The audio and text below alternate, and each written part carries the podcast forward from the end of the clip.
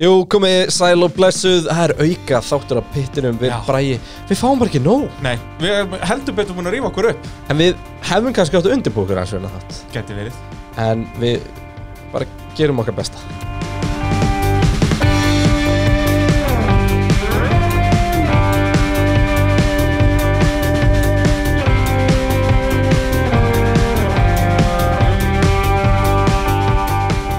Já, við komum álíka illa undirbúinir eh, inn í þetta tímabil og has Já. Þannig að eh, já, þið verður bara að eh, fyrirgefa okkur en okkur langaði þeim bara svona, Við áttum okkur á því í spjalli bara, eh, að tímabilið það var hálnað við rauðaflaggið í, í ámúkjælum Já, það er rétt, það er sagt, það eru 17 keppnir Nú eru nýju búnar Þannig um svona niðja keppni í Mugello og þá var tímabil hálna og þá er gott að hendi í svona mid-season review eins og við segja á góður íslensku oh. Bam! Eh. Það er svolítið svoleiðis þannig Og ég er ekki búin að sjá neitt þannig ennþá. Þú veist, ég hef ekki séð hjá neinum, ekki formleit.com eða enda eða neinum náttúrulega það er allir að býða eftir að pitturinn fari Heldur betur til þess að geta kóparað. Já, fréttinnar eru síðan gerðar upp úr þessum þætti eins og við vitum. Mikið rétt, mikið rétt. Um, Við ætlum að fara yfir þetta ekki út frá liðunum eins og vennilega Þótt að það muni að sjálfsög spilast aðeins út í það. Já, já, Þú maður fara yfir aukumann fyrir aukumann já Byrja Og- á botninum bara og vinna okkur upp. Og uh, ég bara, hver er á botninum? Það er okkar maður Róman Grósjan Og í hvað sætir hann? Sko, flestir eru að spáðunum í 20. sendi Hann gerði einum betur Já. Hann er komin í 21. Þrátt fyrir að séu 20 bílar í Formule 1 Mikið rétt, búin að klára allar keppnir nema fyrstu Og ekki, ekki niðurstöðuna góðar 13., 16., 16., 16., 19., 15., 12. og 12. Já Og hann er, sko, hann var í 20. seti fyrir Mugello En það sem Russell vann hann þar að Þá eh, er hann komin í síðasta En þeir eru náttúrulega allir hann með 0 steg á botninum samt Sko Grósjan er ólíkinda tól því hann tekur keppn og keppni þar sem að minnum hann á af hverju hann var í lótusnum hann það framan af hverju hann var orðað við Ferrari sæti og allt þetta. Þú veist, sem ég gleyma þessi gæi var ákveði project þegar hann kom inn í formúluna. Geggjar og ég minna hann, hann náði fullt af, af, af hérna, velunapöllum Já, og, og, og allt þetta En bara síðust ár og, veist, hann tíu velunaballar Já, nákvæmlega. Hann er orðin bara svona mím, bara núna síðustu ár. En ég minna, hann var bara toe við rækonin á Lotus, þú veist, 2012. Já, Þannig að, já, maður veit ekki hvað skal segja um, um þennan frakka. Það skilur enginn af hvað hann er ennþá í Formule 1. En hann er náttúrulega að gefa, við höfum svolítið talað um henni í pittinum, hann náttúrulega er góður á bakfið tjöldin. Hann er reynslu mikill og er góður með feedback um bílinn og allt þetta. algjörlega og, og skipti öllu máli í fyrra Algjörlega, algjörlega og, og sagt bara gott fyrir liðin svo hans að hafa svona ökumann en hann verður að geta gert eitthvað á brautinu anskotin hafið það Já. það er svolítið Af hverju er hann samt í 21. sæti? út af því að Hulkenberg er fyrir ofan hann. Ég er, ég er ekki að minna það, þú veist Af hverju hann en ekki Latifi og Russell? af þetta eru sem sagt innbyrðis viðurregnir þeirra á milli það eru Það er reikniformúlan á bakvið já, já, þetta er ekki bara eitthvað stafrásröðu eitthvað með Ok. þess sem eru með núlstið Það meikar samt ekkert sens jú, eins og ég segi, sko, hann var Russell var síðastur Já, en af hverju var. Russell neðar en Latifi? út af hann er, samkvæmt þessari reikniformúlu búin að standa sem verð Ég held þetta snúist um sko hvað besti ánangurinn er Því að Latifi er með, er með gæti 2 verið. 11 sæti sko það er gætið, það er gott en, sjátt en hérna En Russell er bara með 1 en besti ánangur Grósin er 12 Já, þá er það mjög sennilega þannig Taldu það, þá getum við bara fært okkur í Russell. Þurfum við eitthvað að ræða? Nei. En sko, Grósjan, hann skemmtir Já, já, er ekki von á bara nýri cookbook frá honum eða eitthvað svoleiðis? Ekki, ekki heyrt af því En slúðupressan væri búin að keira það Já, algjörlega stóra fréttir. En Hasliði sko Hann er, hann er 20. vistur sér að Kevin Magnússon er búin að ná sér eitt stig gerði það í Ungverlandi Ungverjalandi. Þegar hann var nú bara í þriðasendi lengi vel. Magnúsen Já, alveg rétt. Alveg rétt. En hérna þessam svona mikka mústra getur yfir Has við að reyna að koma sér eitthvað og var sjaldnast að skilja einhverju. Ég meina það, það hefur skilað þeim stíi Ég meina þeir eru á undan Williams. Hasliði samt alveg gjössanlega bara Já, það Mér finnst það svo leiðilt, þú veist því að við, við djókum með Grósjan og Magnúsin og okkur þannig en þeir eru báðir, þeir eru báðir hraðir aukumenn sko. Menn ef þeir væri racing point þá varum við ekkert að grínast jafn mikið með þá sko. Mæmum og er sko bara- og Haslið er bara eitthvað svo mikið mím því að þeir eru bara svo fyndnir sko. Já, en ég hef ógeðslega gaman að hann með langalla Haslið ég vildi óska þess að Haslið var að berjast bara við maklarinn og runa sko. Já, manstu hvað tímabil var geggjað þarna? Bara fyrsta. Já, þegar þeir eru enduð í fymta sæti í mótinu eða eitthvað, það var geðveikt gaman. Já. Þess, þessin er þetta alveg synd á skömm núna með Ferrari mótorinn aftan í sér bara kveldskýta Færum okkur þá yfir í, ég veit bara að tekið Williams parið, byrjum á Russell, hann er fyrir neðan sem er fáranlegt um, Ég Já, sagði þá er þetta pottit þetta eins og þú segir, besti árangur. Já, já, og þú veist, þar er, þar er Latifi með 11, 2 11 seti sko. En hérna Þeir, Russell ætla bara ekki að ná í stig. Nei, Það er bara Það eins og, hann er með skrifaði fyrir því. skín. Það er bara, hann mun ekki ná í stig með, með Williams. Hvernig verða Williams á næsta ári? Ég veit það ekki veist, munur, maður vonar svo innilega að þeir fara að bæta sig. Ég, Þú veist, það verður ekkit verra en engin stig sko. Nei, nei. En þú veist, bætingin þeir er samt sko mesta bætingin af öllum liðum nú þegar sko í, Eða á milli, bara- milli ára sko. Millin þeir í fyrra var svo mikill brandari Vákan að hefur hann- liður, hann náði stig bara Já, það var bara að kláruðu bara 11 eða eitthvað hann í, í Já, við erum búin að vera með nokkra svona chaos-keppnir sko Já, já, og þá eru þeir alltaf í 11 Já. Í báð Þeir eru með þrjú 11. sæti sko er Þeir eru með þrjú alveg- 11. sæti og eitt 12. sæti Og eru núna bara nokkuð reglulega alltaf í Q2 Og bara, Já, þrátt fyrir að, að vélabanni sé komið já, það hefur samt alveg farið minkandi núna eftir Algjörlega. vélabanni, sko Þeir, þeir klálega átkvalifæðu easily sko hérna bæði Haas og Alfa með, með partymótið sko Já, nú er, það, nú er þeir aftur svona á pari. Nú er Icon yfirleitt alveg garanteraður í Q2. Já. Þannig að, að, já, Williams synd og skömm og, og núna náttúrulega fjölskyldan ekki lengur með þetta. Claire og, og Frank farin í, í frí. Mér finnst það samt ekki synd og skömm að það hafi gerst sko. Nei, Þú alls veist, ekki. ekki ef að, ef að Williams heldur áfram eru Williams og heldur bara svona áfram þú veist, uh, höfustöðunar það sem að gæti komið núna í, í gagnið og, og það sem er áhugavert við þessa sölu og um eins og með hast því að nú er ekkert ólega að hastliði verið selt. Og frettir síðustu dag og, og notabene þetta verður podcast sem við hlaupum svona úr einu í annað. Já, já. veist, þetta, er, þetta, er, Þannig eru podcast. þetta, þetta, þetta er spjallvarp hérna í dag. En um, það sem að komu núna er búin að frétti núna síðust dag sko með kaup á liði. Og er það að það var verið að setja um, þvingun á, á lið að, að sérst, að ef þú ætlar að kaupa nefn ætlar að koma nýtt liðin í Formule 1 þá kostar það 200 miljón dólar bara bara til að vera partur af partíinu sko. og, sko, og það er að svona, þinn kostnar í að það þinnist ekki út fyrir hinulegunum peningurinn Já. alveg strax Já, þú veist, þessi peningur er bara að fara til hinna liðana Já. Sem er svolítið magnað Uh, til þess að vera með þarft að borga hérna þessum nýju hinnum. Og sko, ég man ekki það var rosalega bjánalegt nafn á þessu liði sem er að reyna þetta núna.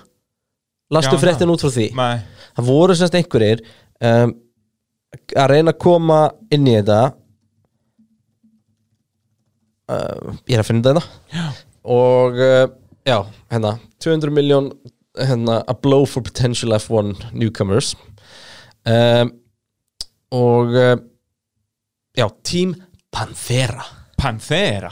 Panthera, Það er enda P grjótætt Panther sko. Þetta er bara, P-A-N-T-H-E-R-A. Þetta er bara eins og nafnað okkur rockalbumi lokkljómsveit en uh, þú veist, Panther.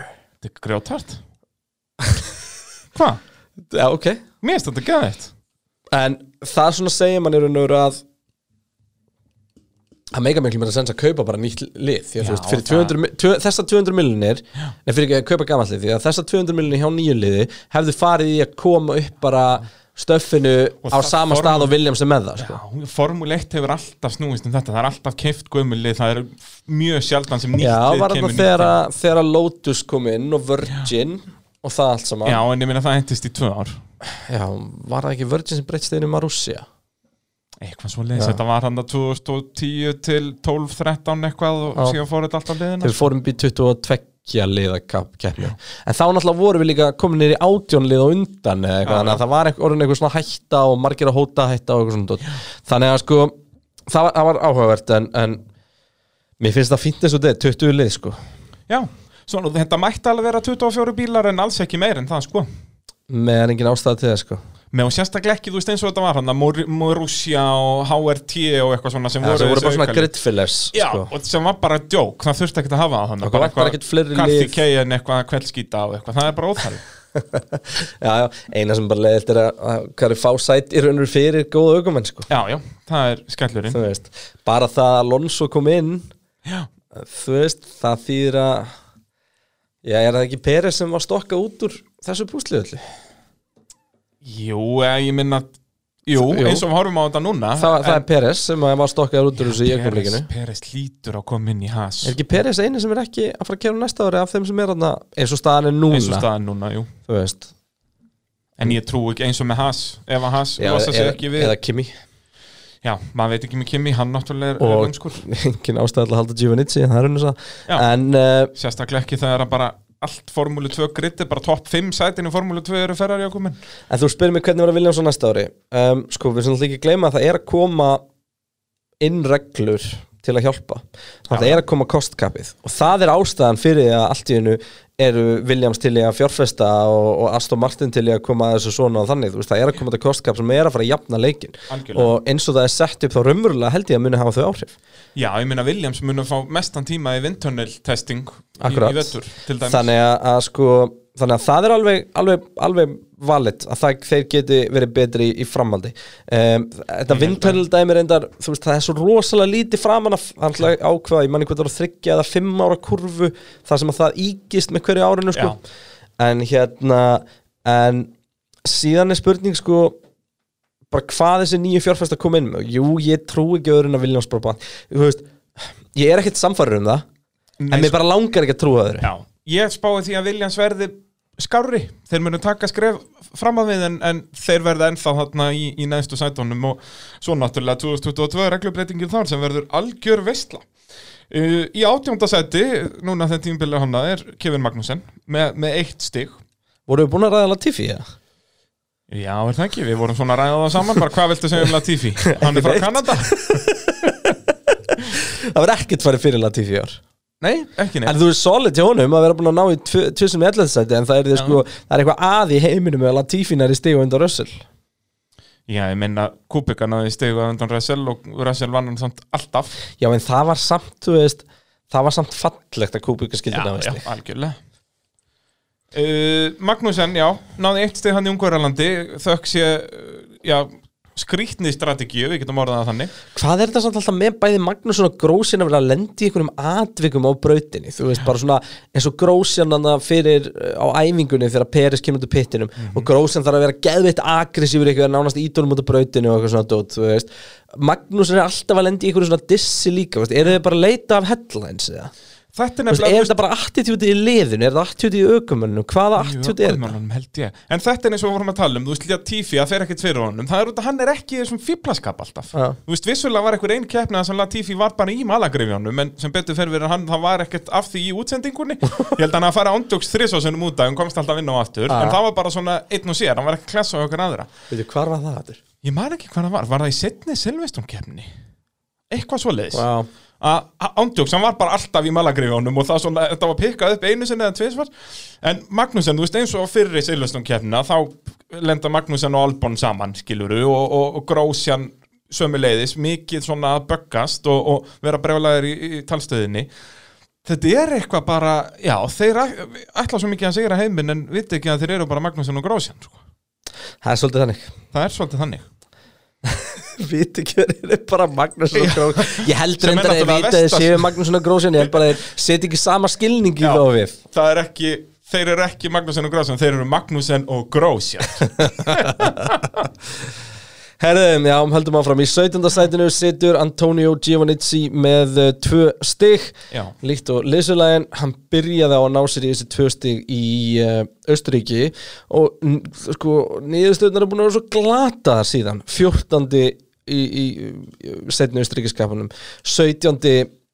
í Ungarlandi 14. í fyrri Breitlandskapastunum 17. í setni 16. á Spáni DNF í Belgíu 16. á Ítalíu DNF í, í Mugello þú veist ömulur árangur Samt er þetta ökumæðin sem nær alltaf að vinna sér upp sæti á fyrsta hring En eftir fyrsta hring þá fer hann aftur á bank Já, það er endar uh, það er endar uh, áhugavert hvað hann er góður í starti Já En sko þetta byrjaði vel tímbili hjá hann eins og segir, næri ég segi einu stig hérna í fyrstu keppninni.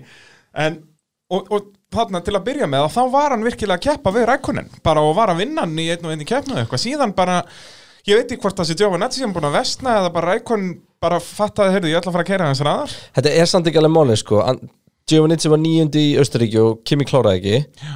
Kimi vann hann í uh, setni austuríkiskapastunum hann vann hann í Ungarlandi. Hann tapar fyrir honum í fyrri hann vinnur hann í setni Silveston vinnur hann á Spáni.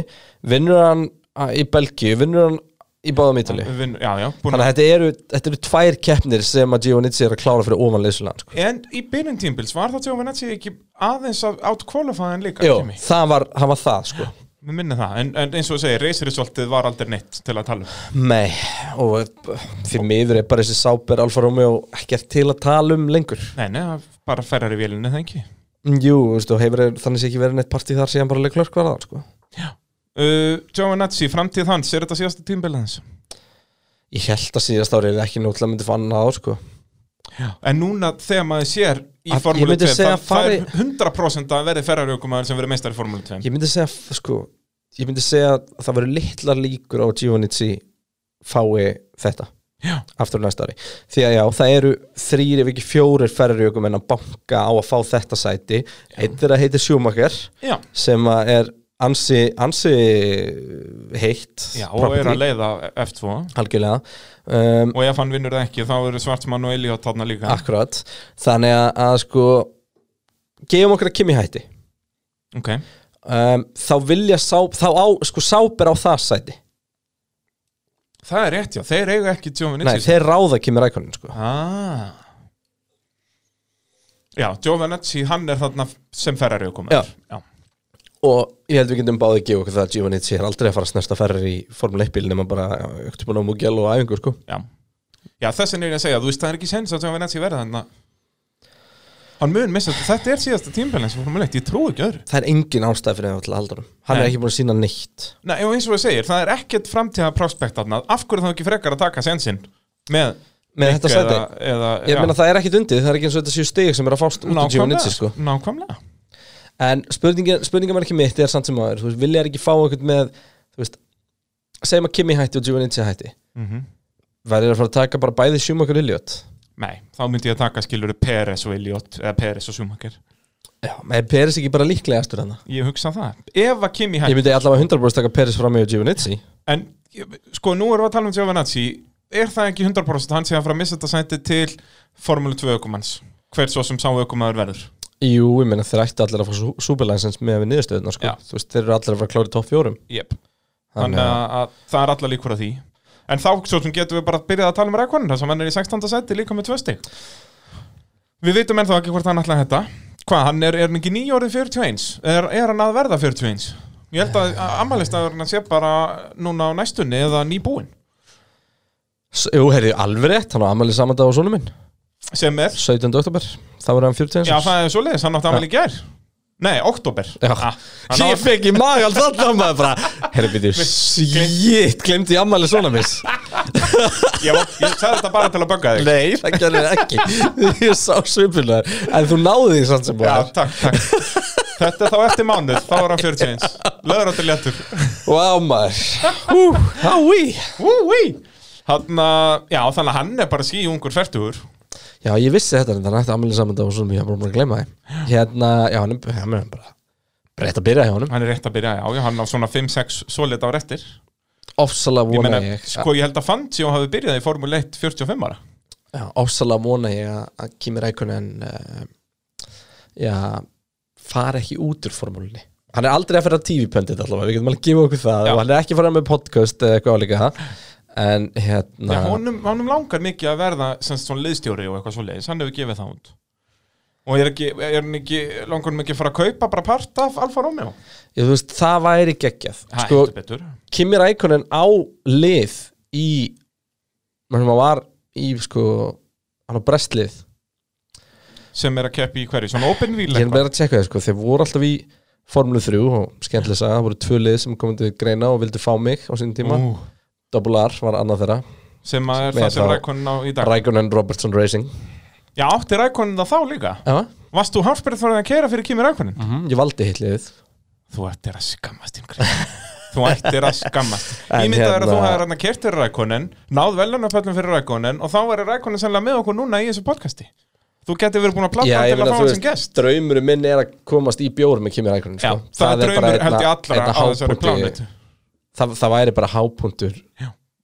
gott partí eitthvað staðar í einhverjum skógi í Finnlandi að drekka vodka með Kimi Rækkonin Ég hérna og ég er ekkert að grínast þetta hefur verið svona þannig missjón ég hef alveg pælt í því og ég hef sko ég er með kontakt sem ég var búin að segja að ætla að koma í kring ef að veist, aðstæður myndi ekkert um að bjóða upp á það Já, það er svo leiðis, þú varst aðeins byrjaðar að vinna í þessu bakvið maður. Gæinn sem var yfir sjómvarpsútsendingunum í Finnlandi uh, þekktan já, og hann var tengilegur þinn þannig ja.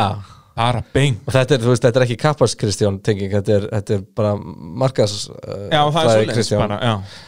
tenging. En hérna en uh, já, en hann á lið í, í þessu neðri formúlum í dag. Ég var að tjekka náttúrulega sko breska formúla 3 er hætt. Já, nú er þannig þetta séð, búið eða þú veist að hann er ekki lengur eins og formúla 3 Akkurat. Þannig að hérna hann er eitthvað lítið að frétta á heimasögni En, en Rækkonin sér satt hann í 16. seti og við vonum bara að hann, já, hann Nei, veitu, þeir voru að sæna einhvern veginn að 16. mars Nó, einhvern Simmons já, frábært Já, jú, sem mun ke- átt að keppa í sérst, formúlu 3 Já, þeir eru ennþá í breska formúlu 3 sem er ekki samt breska Nei, nei. formúlu 3 lengur en er svona formúlu 3 sem er líkar í formúlu 3 sem er núna kerið með formúlu 1 Dásamlegt Já. uh, Þá er komið að 15. setinu Já, Ef við erum hættir að tala um Rækkonin Já, við getum gert það. Eða, Þú veist, Rækun næri stig í Mugello og, og búin að vera að vinna lýsulega sem alltaf er bara í topp top málum. Já, þetta voru samt bara fyrstu stíðinast núna í Mugello. Það var með 0 stíg fyrir það. Algjörlega. Þannig og raun og veru ótrúlega fáir aukumenn þannig sem búin að fá stig sko. það eru átjón aukumenn búin að fá stig og uh, þrýr ekki búin að fá stig og, og sko af því þá eru að tala um sko að Magnussen, Giovannizzi, Rækonen og Hulkenberg eru allir búin að fá stig í einni keppni sko. Já, já Og það er einmitt komið á Hulkenberg núna Hann er með 6 stíg hann þá hann hefur nú bara keft í tveimur keppnum Solid 15. seti Já Og ég ætla að spá honum Ég ætla að spá honum Ú, hvort myndan enda 15. eða 16. Ræ, Nær Rækonin núna Já, við það ekki Já, ég held það Ég ætla að spá Hulkenberg 16. senti í mótinu í, þegar því líkur Já. Sem er nokkuð gott með Það er, það er ekki, það ekki brjálæðislega líklegt að, að Annarko Williamson endur með 60 sko, það eru hvað, Nei, það er þrjár- frekar Giovanazzi eða Magnússon sem það geti eru átta keppnir eftir. Geti náðu þessu sko. En, en ekki hinnir. Uh, Hulkenberg, hann var náttúrulega bara fairy tale sem fórum svolítið yfir hérna í Silveston ofsalega langaði mér í hennan velunaball á hann. það hefði verið dásamlegt. Það hefði verið bara sporting achievement of the year myndi ég að segja. klikka bara, það er bara ó, þetta var svo dásamlegt sjá hann hann kom mér ástand svo indislega töff í fyrri Silveston kappæftunum þegar hann var bara með svartan hjálm út að hann bara var ándjóks bara búinn að retta sér einhverjum hjálmi sem að passa það var engin, engin, hönnun á eða Ja. sem mér finnst geðveikt töff að vera bara, bara carbon fiber Takk fyrir það, ég kerði með hann ekki. Já, ég veit það, en hann var samt ekki hann var málaðan svartur það ekki? Nei, hann var Carbon Viper hann var carbon, já, geðveikt. Enda náttúrulega þú minn favorite uh, formula driver Já, íslenski formúludræður það ekki. Já, nei, nei, bara, já. bara overall bara, Hérna, en, en jú, það var bara út af því að það var endar ógeðslega fyndi með þann hjálm. Sest, uh, nýjasta hjálmum minn Já. sem, sem ég kerði með síðasta síðast sísonið mm um, Tveimur dögum fyrir keppni er mér sagt að RI GP, minn hann heiti GP5 hjálmurinn minn sem ég var búin að kerða með svo hvítur var hann ólur það er svoleiðis, já, þú varst alltaf með hvítana Já, og ég bara, ha? Þú veist, já, þú verður að kaupa þennan. Og sá hjálmur var sérst engungu skilda í Formule 1, GP2 og Formule 3 já, bara svona open wheel svona, Nei, bara, bara top level já, open wheel. já, já, og nema málið er það, í enda dagsins þá borgar enginn í Formule 1 fyrir hjálmur sinn. Já, já. þannig að þú veist, hvað ætlaði þetta að skemma marga hjálma til þess að framleiða þess að, þú veist, 150 sem voru mögulega seldir í heiminum? Yep, og það er ansi margir. En það hann kostaði 2 miljónir, sko. Í alvöru? Og ég hefði tvekja þetta fyrir að redda mér húnum og bungaður út 2 miljónum fyrir það hjálm var ekki hans, ég hefur ekki keft og fór, fór það bara úr þínu veski? Eða? Nei, nei, nei, Þú veskið mitt var svo sannarlega ekki með 2 miljonir á þeim tíma. Hérna, Nei, nei, þú veist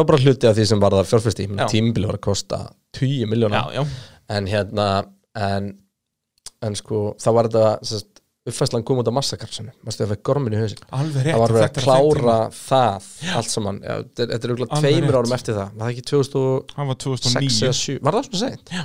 Þetta er bara 2000 Þetta er, Þetta er, er fyrir 2009. 2000, er þetta fyrir 2010 tímabili er þetta mitt, þú veist, massa fær var- gormin í sig um mitt tímabil Var það ekki 2009 2008? Nei, hann fær gorm frá brónbíl það var bara eitt ár sem brón voru. Bara Kjell og Það er rétt. neglir gorminum í hann þannig að Já, var þetta byrjun ást 2010? Það getur verið. Mér fannst þess að 2009. það geti verið En þetta sest- mid-season 2009 En sko. sérst, það sem er raun og verið gerist er það að þá er búið að uh, væsorinn, hann er miklu Semst, það sást bara- ekkert í ennið á þér basically. og þe þeir eru alveg einst núna hjálmennir ennþá sko. Þú það er ennþá sama homolegering á þeim sko. Og e, lí- líki formule 1 sko. en hjálmur minnur er mun ódýrar þetta getið sagt þér. Já, það það er búið að framlega aðeins meira af þeim hann Þannig að þú kaupir hann voru sennilega eins og segir búið að framlega svona hundra stykki. Og talar oft um að hérna suðurnar af veltibúinu sem ennþá heitar sko, hann var volgur því sko. Það og er, eh, svo var bara keppni og keppni en ég hafði aldrei tíma til að mála hann, ég átti hönnun á hann sko Já, það er svo leiðis já hann ennþá til, ég ætla alltaf ekkert að, búa þann hjálm til sko. Já, Þú gerir það bara þegar þú tekur comeback hérna 50 úr mikið verða að fara að keppi einhverju mótsport já, Þetta gengur ekki lengur. Ég elska umtala okkar Nico Holmberg Hulkenberg. Hvað er langt? Já, það- við fórum bara að tala um uh, við lofuðum því líka, þetta Já, spjall er þið spjall. Það er svo leiðis En, En- eins og við segir, við töluðum svo, svo alveg nóg um Hulkenberg ég fíla bara svo mikið. Já.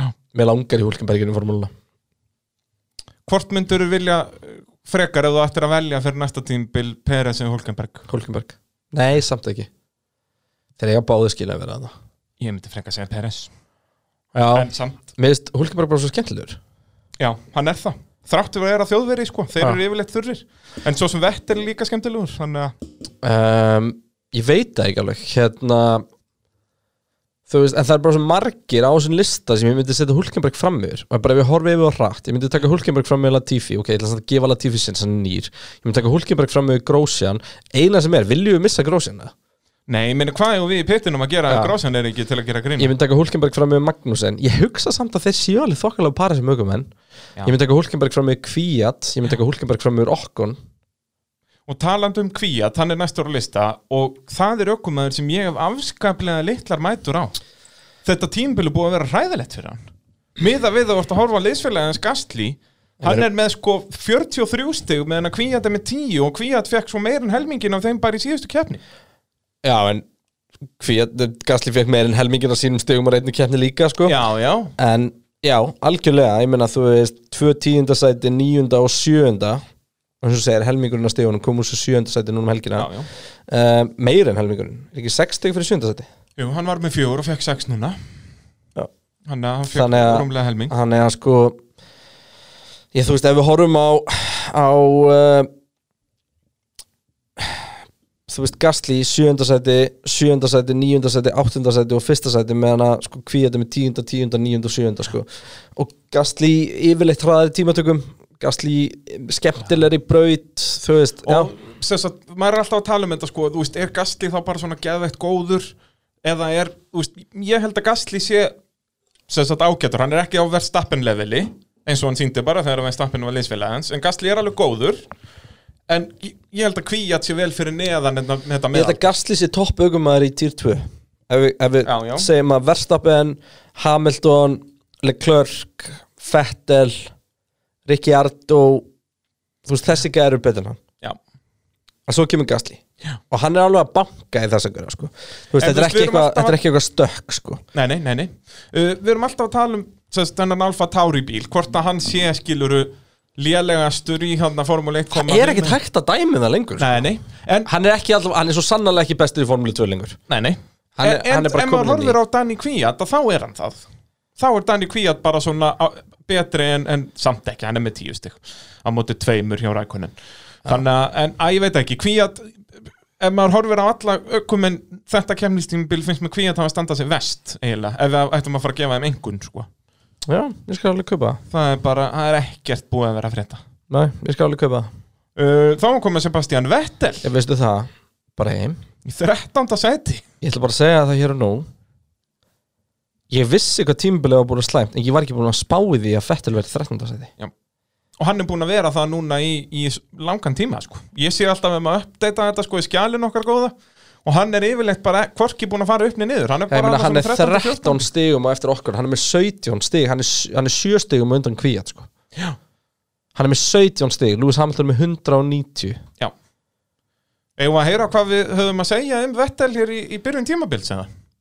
Svona fyrst ég var að- hlusta á gamla þætti að þá Býtu, ertu búin að vera að klippa út Búin að vera að einhverja klippa út. speki frá mér og eitthvað þannig? Já, frá okkur, út af við erum svo miklu spekingar. Uh, í loftu þegar, þegar Fettel og Ferrari enda samningu við Akkurat. Þannig að við erum að fá pressulausan Fettel. Ef að Ferrari eru góðir þá held ég að Fettel verið geggjaður. Ég held að þetta verði besta tímabil Vettel ever.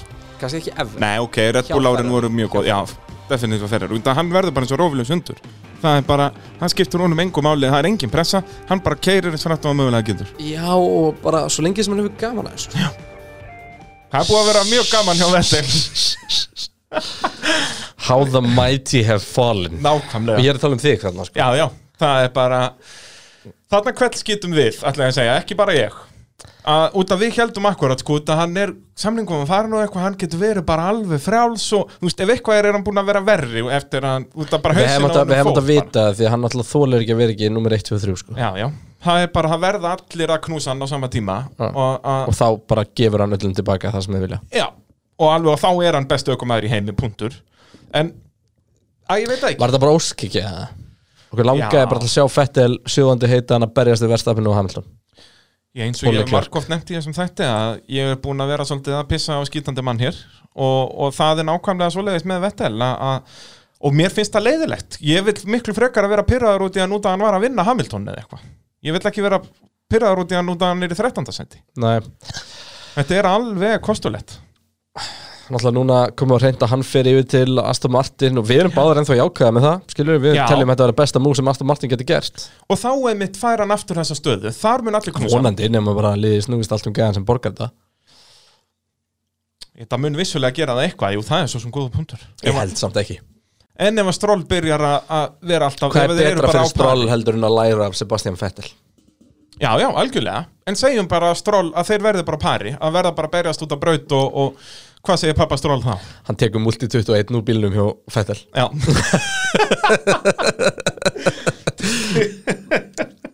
Já, það getur verið eitthvað svo leiðis En ég hugsa samt vetti lagt ekki verið miklu vandamálum með stról Peris er vandamál með hann. Stroll er búin að vera outperforma hann er miklu ofar í stegatöflunni heldur en, heldur en Peres. Svo bara veit maður ekkert hvaða vettel kemur.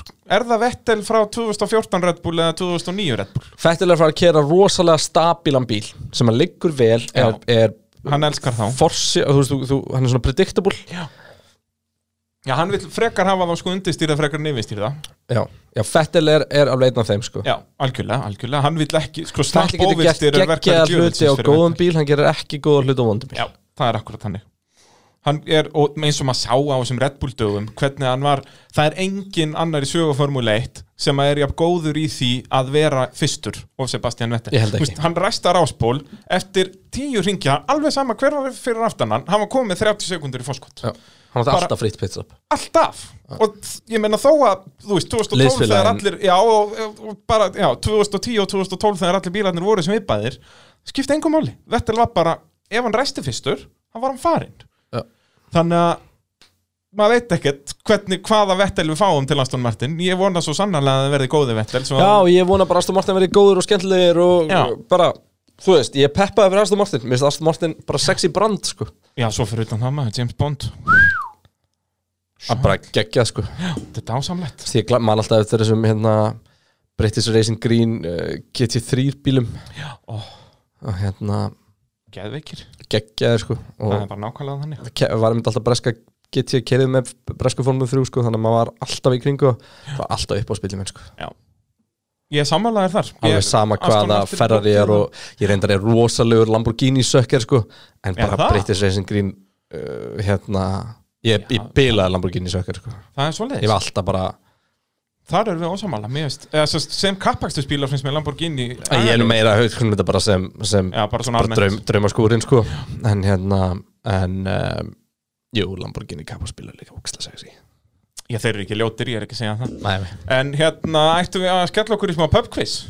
Já, þú komst með sko bara algjöran körfból á mig í síðasta þætti að spyrja mig eitthvað spurninga Já, en þú ert ógeðslega mikil svona statsmaskina, Já. ég man ekkert Já, nema en nú er ég undirbúða búin að það rífa mig upp sko, ég, bara sko elsta spurningina frá 2012 Já, það var bara afsökun þá Þetta, ég Já, þarf þá það- fyrir einhverja nýja afsökun núna Já, sko. þú verður þá bara að fara að leita í afsökunarbankanum Já, já, Það já. er svoleiðis. En hérna, Þetta er stutt og samt- laggott. talandi samt um pubquiz, Bræði Já, Hvernig væri að henda í bara pubquiz? það er æri reyndar veistlega sko, bara finna eitthvað bar og bara bjóða okkar great fans í pubquiz Það væri ógeðslega gaman og bara svona, og bara spjall, bara formúlu spjall. Ef að hérna, þegar þessi þáttu kemur út þá kemur Já. upp Facebook postur uh, kvittaðu Já. ef þú myndi vilja mæta og vilja að við setjum eitthvað hannu upp og gera eitthvað skemmtilegt úr þessu. Ég er alveg vissu að við getum gert eitthvað. Hendi þetta eitthvað tíma bara í oktober eða eitthvað? Hendi þetta, hendi mót í GT Akademíunni. Við getum gert fullt af Heyrðu, stöfi. Þetta er bara Þú ferði þessi verkefni, Kristján. Já, mér vantar einmitt svo mátt Já, mikið- þú mikið er svo lítið að gera hérna nefnilega. Ég ég komist að því að, hérna, nöðsynlegt að þið finna en þetta held ég að væri rosa gaman sko. Já, ég held það. Bara- allir léttir lífur og kátir takit eitthvað kvöldi eftir einhverja keppni.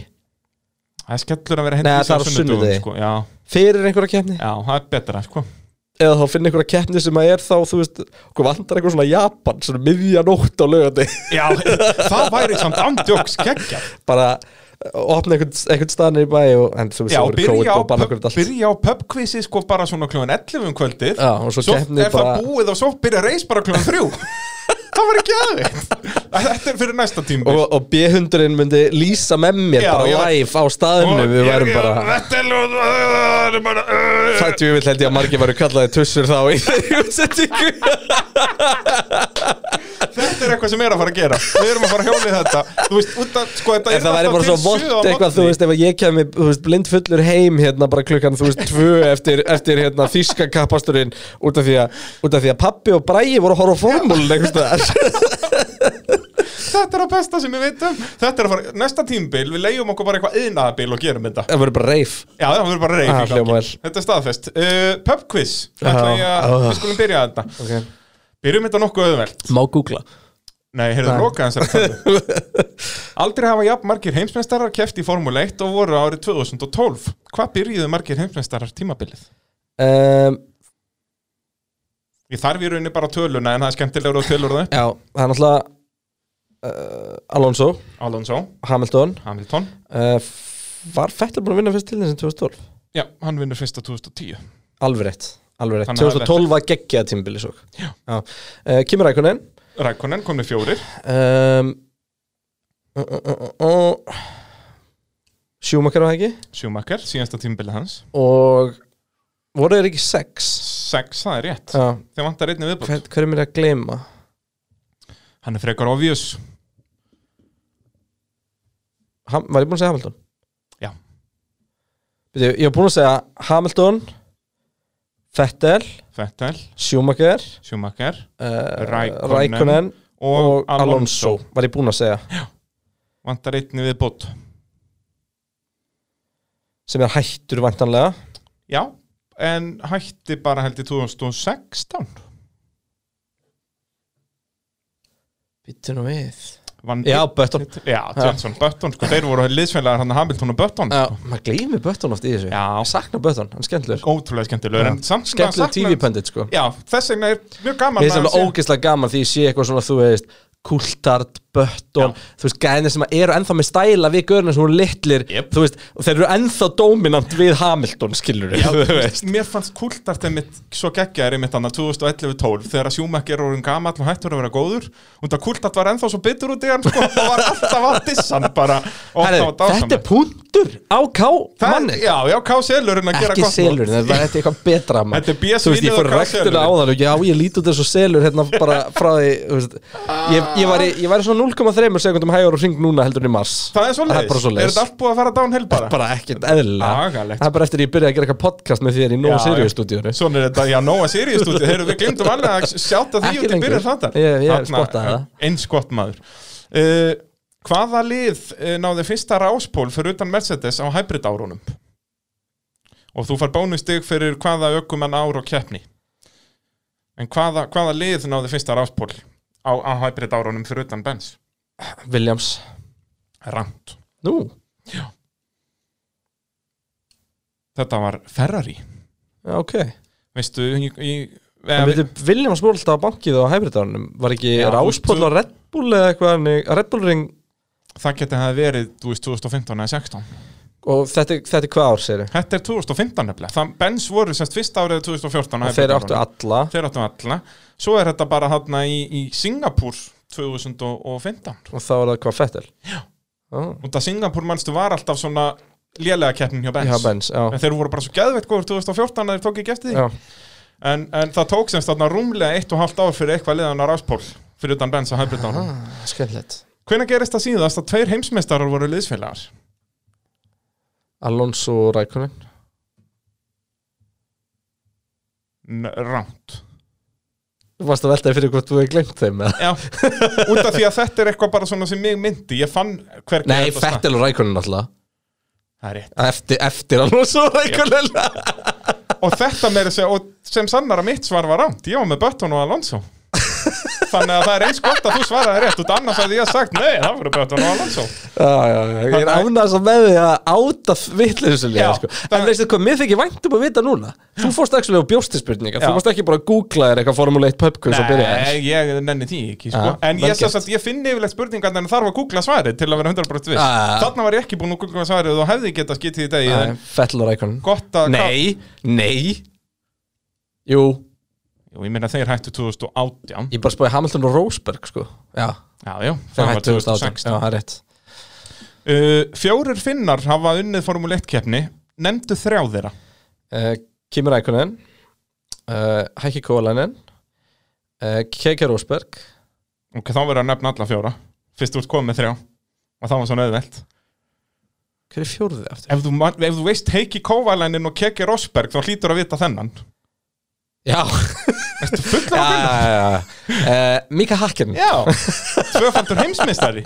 Ég syns að fatt, en þetta, þetta er fyrir 2012 bræði, þú ert að Það rétt. mig þetta. Ég er að en, Já, En ég, ég á að við, að ég viti Kiki Rósberg þá á ég vita Mika Hakken Ég segi það. það Það Að sjálfsög veit ég Heyrðu, þá bara loka spurning uh, Hversu oft hefur velunapallur árið 2020 samanstæðið af Valtteri Bottas, Lewis Hamilton og Max Verstappen?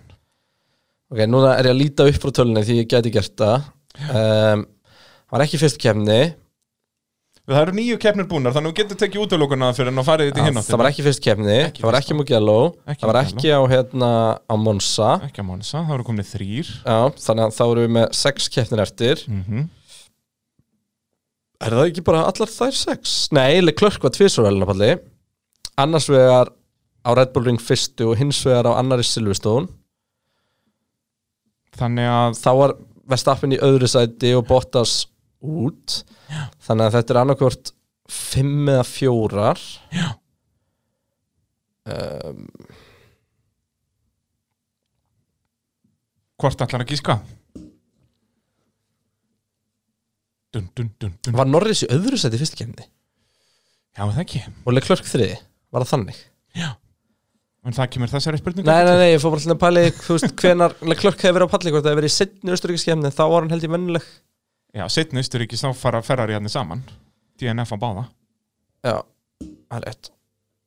Um, Já, ég ætla að segja fimm. Það er rétt. Já. Það er, Tekur svo, það er vel gert. Þetta er að koma miklu betur út heldur en Já, já, svona þegar maður fer að spyrja um eitthvað easy ha, Engin Jokkinn Rind eða Bernie Ecclestone Nei, hérna? nákvæmlega. Það er svolítið svo leiðis Nákvæmlega, ég þarf að henda mér í þessa sögu svona, svo því hún er skemmtileg Hún er sko. dásamleg. Dásamleg Heyrðu, ættum við þá að halda áfram að fara við stöðum ála eða? Ég hausum minnum bara komin í það að búið líka podcast sko. Nei, hérna, pubquiz Það er, ég kom með einu aukaspurningu að því bara En ekki horfa á tölvuna þína Ok, Hver, Hvaða aukumaður hefur náð flestum uh, sagt uh, velunapöllum í ár? þetta er trick question Það er augljóslega Mercedesin Já. Er Bottas með fleiri en Hamilton? Það geti verið aukaspurning og hversu margir velunapallar eru það? Um, sem Bottas er búin að Jú, Bottas er alltaf á velnumhalli Já. Hann er alltaf á velnumhalli Nefn á Monza. Og, og Mugello. Og hérna, nei, og hann var á Mugello. Hann var á Mugello. Hérna, og hérna það er sprakk hjá hann Fyrri- fyrri Silverstone. já, sjö velnumhallar á, á Bottas Það er, nei, sex. það er 50% réttu svari. Því að Hamilton er líka með já. Bara bein Mm, hvernig- mm. En hva, hvar var Hamilton þá ekki að palli? Við vitum að hann var ekki á Monza. Ekki fyrst kemni Það er rétt. Þú ert með þetta alltaf á hreinu. Ég líka spáði því manstu. Það er rétt. Ertu með eitthvað svona rétt? Nei, auðvitað ekki. Í þessum klippuðinu Aldrei nokkuð Ok. okay. Ég myndi aldrei fara að lofa okkur, Kristján. Það er, kemur ekkert í mánaði þessum þætti. Þetta er ömulegt podcast ég heldur maður.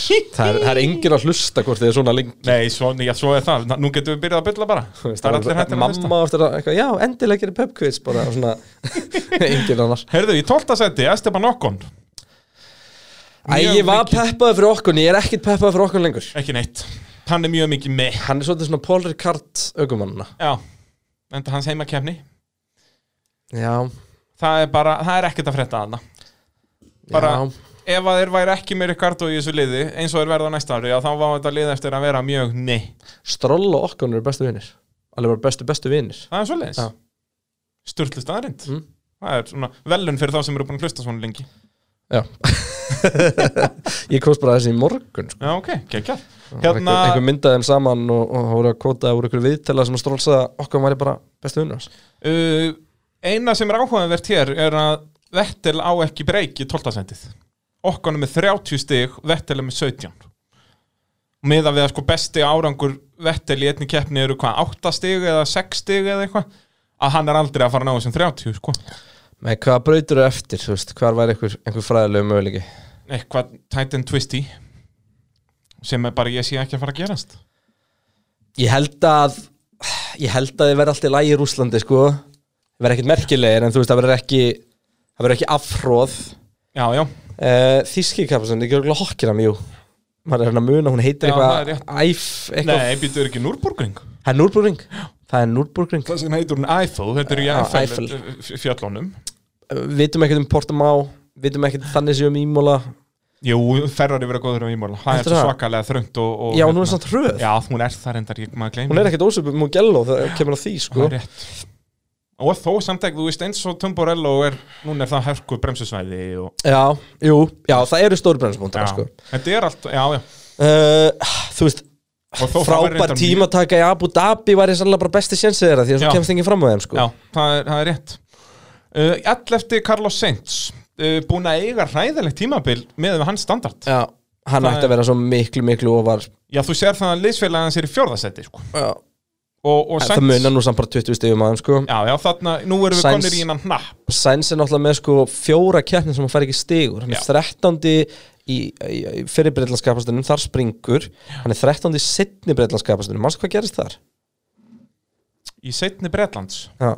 af hverju var hann 13. í Nei, sittni ég man breytlands? ekki hvað gerist hvort við getum fundið út úr Ég niður um. Svo náttúrulega ræsir hann ekki í Belgíu Já, og svo dettur hann út með, með þegar kert þess, Já, þess já, að í krassinu núna Akkurat, akkurat. Þannig að þetta er drullu pyrrandi tímabil fyrir Carlos Sainz. En hann er svolítið kongur í að vera í þessum pyrrandi aðstæðum sko. Um, Þess að ég held að hann verði nefnilega ólsegur á þessum Ferrari á næsta ári. Ég er ánægð sko, með að þú nefndir ekki að þú tókst ekki klippunar úr fyrsta þetta því að þar sagði ég að Carlos Sainz væri svo sannarlega ekki ferrar í aukum ári og ég sagði hann ekki fyrir mig farþangaf Það er Já, þannig að Það, hérna, ég, ég mun einhvern tímann þurfa að grafa upp úr þessum fyrsta þætti sko. já, ég er nefnilega miskildi, ég hlustaði á hann til þess að finna, Til að finna, já, en þú glemtir bara að klippa úr honum ég glemd að klippa úr honum og láta Já. þið vita hvað við ættum að klippa úr honum. Það þannig að hérna, ég hlustaði á hann og ég hlóa þessu við, tök, við tökum þetta í bara end season og þá getum við fara að hlæja þessu. En hérna en uh, sko við rættum það aðeins síðast þú veist, ætti Carlos Sainz vera spenntur fyrir ferri í tímabilinu og hvað? Þú nefndir, þú veist, hann, það er mögulega að vera hinsmestari með þeim, en ég fór að hugsa og ég, var- ég, ég man bara samanlega en ég var bara ekki búin að hugsa út í eitt sko. McLaren og kostkappið það gæti alveg komist upp á þannig standard sko. Já, 2022 kom fyrsta stóra reglubreitingin sem Sack Brown fær. Já, Það er, þetta er allt, þetta er góður punktar sko. McLaren er ekki Williams Já, já, algjörlega ekki. McLaren er góð prospekt og hann hérna, hvað heitir hann liðstöðunni þeirra núna sem hann fengur frá Le Mans? Liðinu, hann að Porsche Le Mans liðinu. Oh, Allan hann að sjáka í hann, hann heitir. hann veit alveg hvað hann er að gera sko. sem var hér farri Óli Sigur alveg með gleru. Já, já, og hérna Andreas Sætul Andrea Sætul, bara bing, bara boom. Hérna, já þannig að, þetta, er, þetta er góður punktur hjá þér sko. Þannig að ég veit það ekki en þú veist, en næsta tímbil verður martröð fyrir hann, við vitum það alveg en, en 100% svo bara spurning reyndar ímyndað síðan 2022 ef að McLaren og Ferrari fara svo að berjast bara. The good old days. Húf. ég lít alltaf svolítið á Benz og móti ferri sem já, ferri ég veit það, það bara sérlega litað að voti rauðan, Ja. sko, ekki eitthvað appelsínu guld Nei, svo náttúrulega að þeir fá Gulf er að koma meira og meira inn sko, þeir getur hendi gamla lúki það væri litla veistlan Gulf er svo cool. Það er endalist að fúta ég veit ekkert einu sinni hvað þetta fyrirtæki gerir. Ég gerir mig grein fyrir þetta bensin og oljur en þú veist, þetta er svo iconic í Já, mínum huga sko, sko allstaðar annarstaðar finnst mér þetta litakombo ógeðslegt. Eitthvað lilla blátt og appisínugult en bara Já, út bara af í, þetta í heiminum Já, já, bara svona almennt séð. en byrja er ekki herbyggið mála svona? Nei, það er nefnilega ekki mála svona, sko.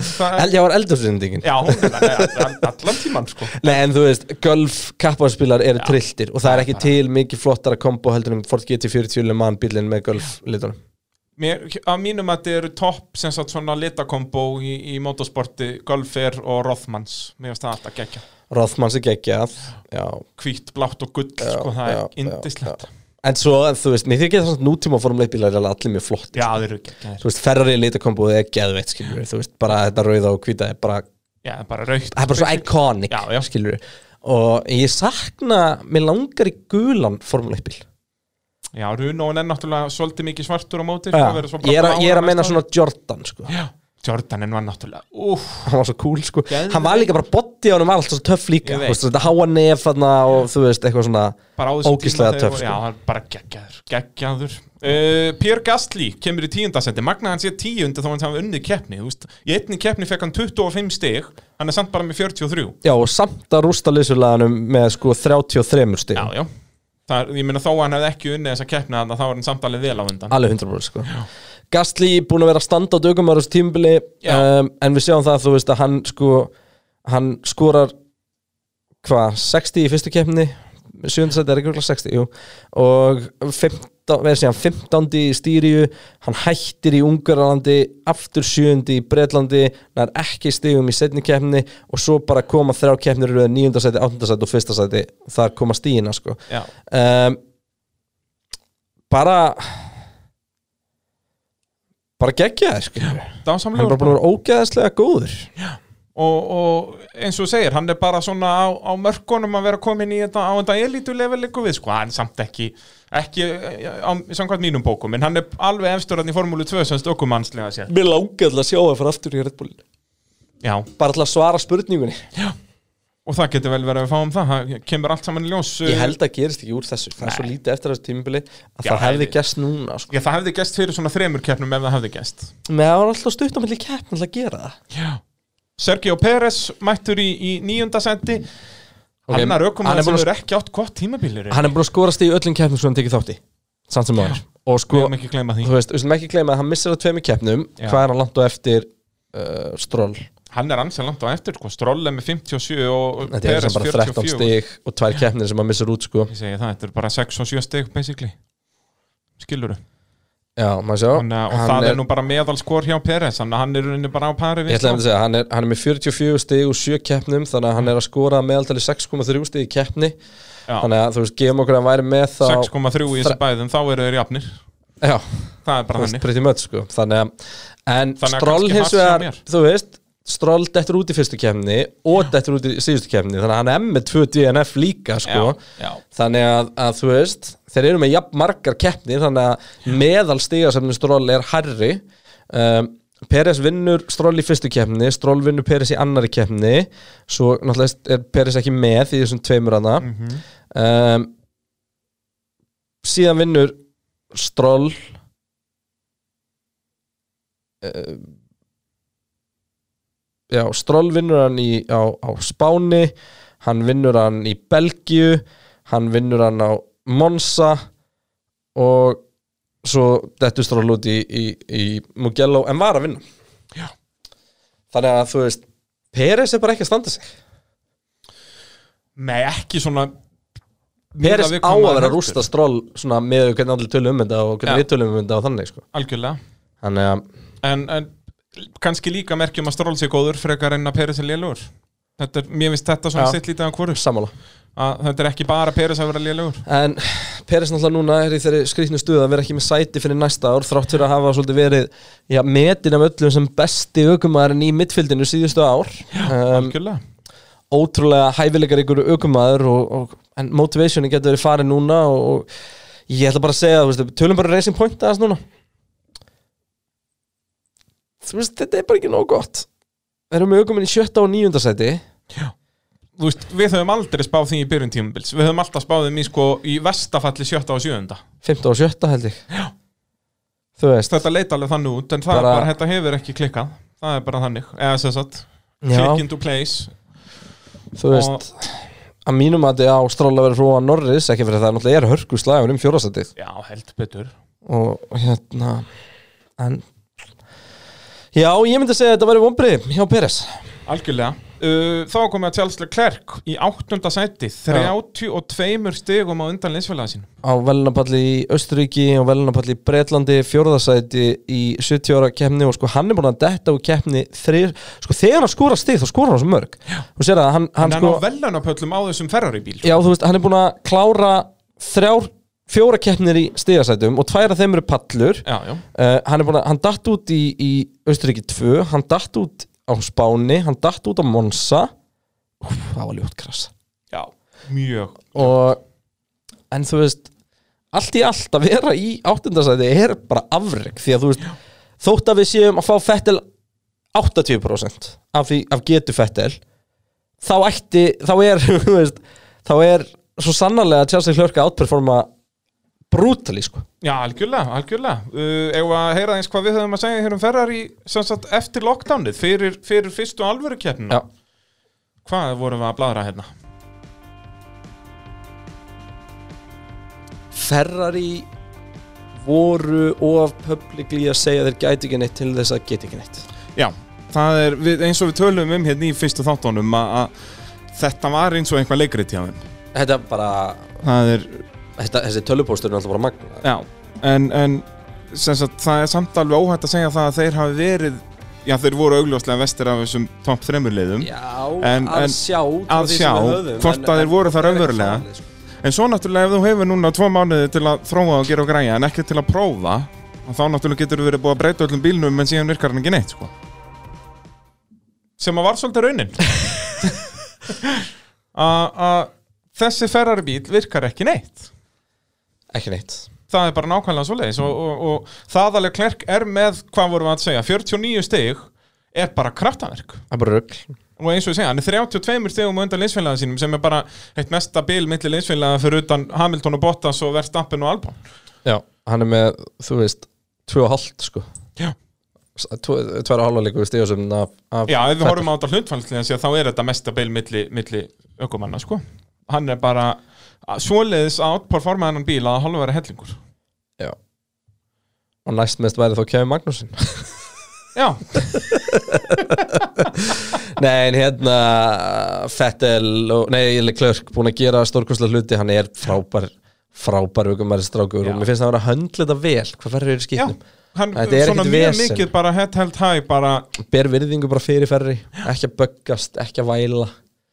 Bara viðurkennir þetta sé erfitt algjörlega, bara mjög svona professional með að hann er þú veist 22 ára eða eitthvað ógeðslega spennandi strákur Já, enda mér finnst hann alveg vera hann eftir bara með Hamilton Verstappen á því leveli sko. Já, gera ennþá svolítið að mistökum Já, já, eins og við sáum en hann er ekki að gera söm mistökin aftur sko. Já, hann, og, og, hann er bara ennþá að gera mistökin til að læra sko. Um, Bjartíðin, framtíðin er björt fyrir ferri í aukumunum með Leclerc fremstan en er Leclerc ekki og góð til að vera hann í þú veist þrjú glötu ára Jú, en ég minna Verstappen er ennþá, ennþá eftir að vinna titil þó við séum búin að tala um hann í þrjú ár sem best ákomin í heimi. Þannig að, að, þú veist, þetta er rauninni bara svipa uh, Leclerc með samningu ferri út 2024 Já. tók fimm ára samningi fyrir Já, já, til hann í rauninni, já, til byrjun 2025 eða sérst út 24 já. uh, Danlega Ricciardo er í sjöndasætti með 53 stig.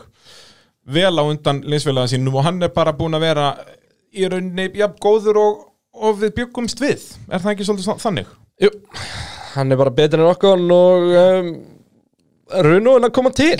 Það sko, veist, það er klárt trend hérna eftir spán. Há er hann búin að vera í fjórða, sjötta og fjórðasetti með hraðasta ring í Belgíu. Já. um, Var búin á einu fjórðasetti fyrir það í Bretlandi og það var náttúrulega steikar kappasturinn Já, það sem að klörkir á velnapall dæmis. Um, Það hefði átt að vera velnapall þess að Ríkjart og þeir eru búin að læra á bílinn en, en hérna Tattu við býður, það gerir það, heldur að, að uh, hann muni ná þessum velunapalli í ár? Akkur ekki. Setni bara einn til dæmis. Ég alltaf veit ekkert um það sko. Það verður lit, ég er svo Tyrkland er líka keppni. Já, það er rétt. Tyrkland er líka.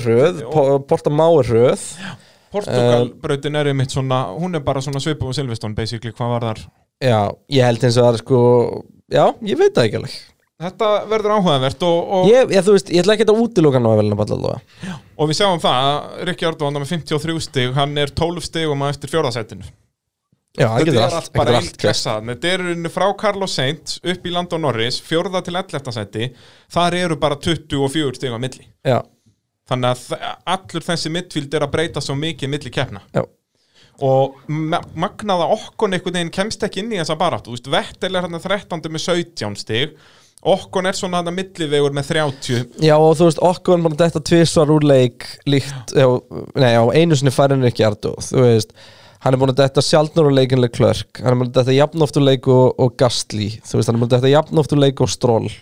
Þannig að þú veist, þetta er ekki DNF-in sem er að klúra hjá en honum hann sko. er alltaf bara svona áttundi. Hann er svo mikið meina, hann, er, hann er búin að lenda þrisa sinum í áttundasæti á sko. Já, hann er, hann er alveg svona bara með það að skrifa á sig og magnaði eins og bara að, að okkon er, er nær Vettel heldur en er Leclerc.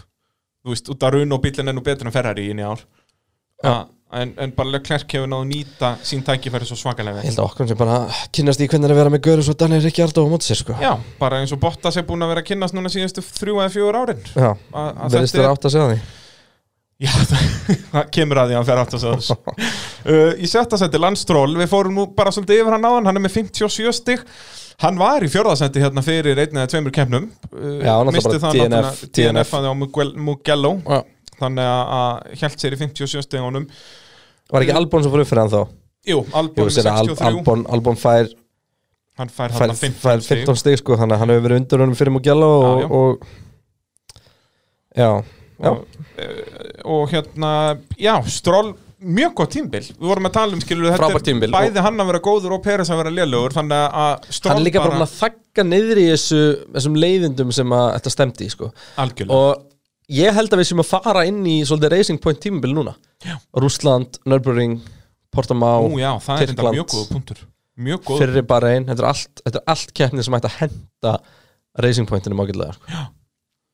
en ég er búin að segja þetta nokkur sinnum og það virkar ekki. Já, Já, en samt sko af þessum midfieldliðum kannski fyrir utan McLaren að þá eru þeir með bestu ökuminn. Þú veist, eins og við erum að sjá Runóin Okkon er bara of lélugur, hann er ekki að sapna það Já, en mör, þú veist- nógu mörgum stigum eins og. Runó á að vera að gera. er Racing Point er ekki með bestu ökumuna Nei, ég, veist, ég held að að var ég held að Peres var bestur þessum gæðum sko. Við Fyrir bara á öku, ökumann sett upp í þessu midfieldi, hverjir eru bestir?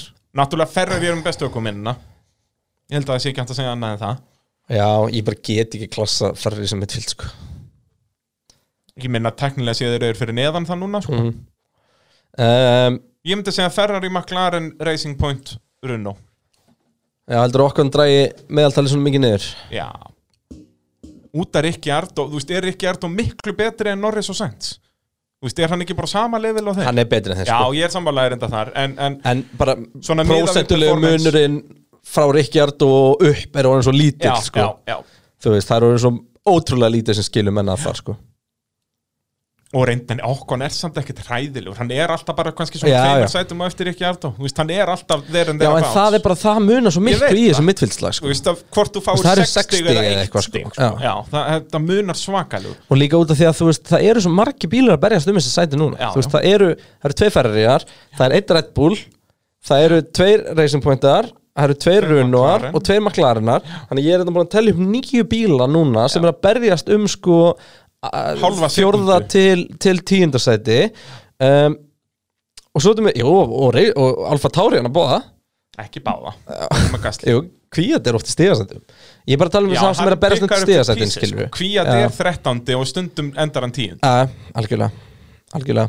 Uh, 50 Alex Albon, við vorum að tala um hann er í þessari baróttu og hann er það svo sannarlega, hann er annað með 63 stig í 5. sæti, Já, komin tveimur á eftir Norris 13. sæti í fyrstu keppni fjórða, fymta, áttunda fymta, áttunda, sjötta og þriða hann er bara einu sinni búin að vera í fjórða sæti Já. hann er bara einu sinni búin að vera í fjórða sæti og meiri sem í tímatökum er hann bara búin að vera einu sinni tvisvar í fjórðasendi sko. sko, ef við, ef við horfum að þetta í stýrju þá var hann einu sæti á bakvið Verstappen. Í Ungarlandi var hann þremur sætum á bakvið Verstappen. Í fyrir breytlandskappastunum var hann sex stigum á eftir Verstappen.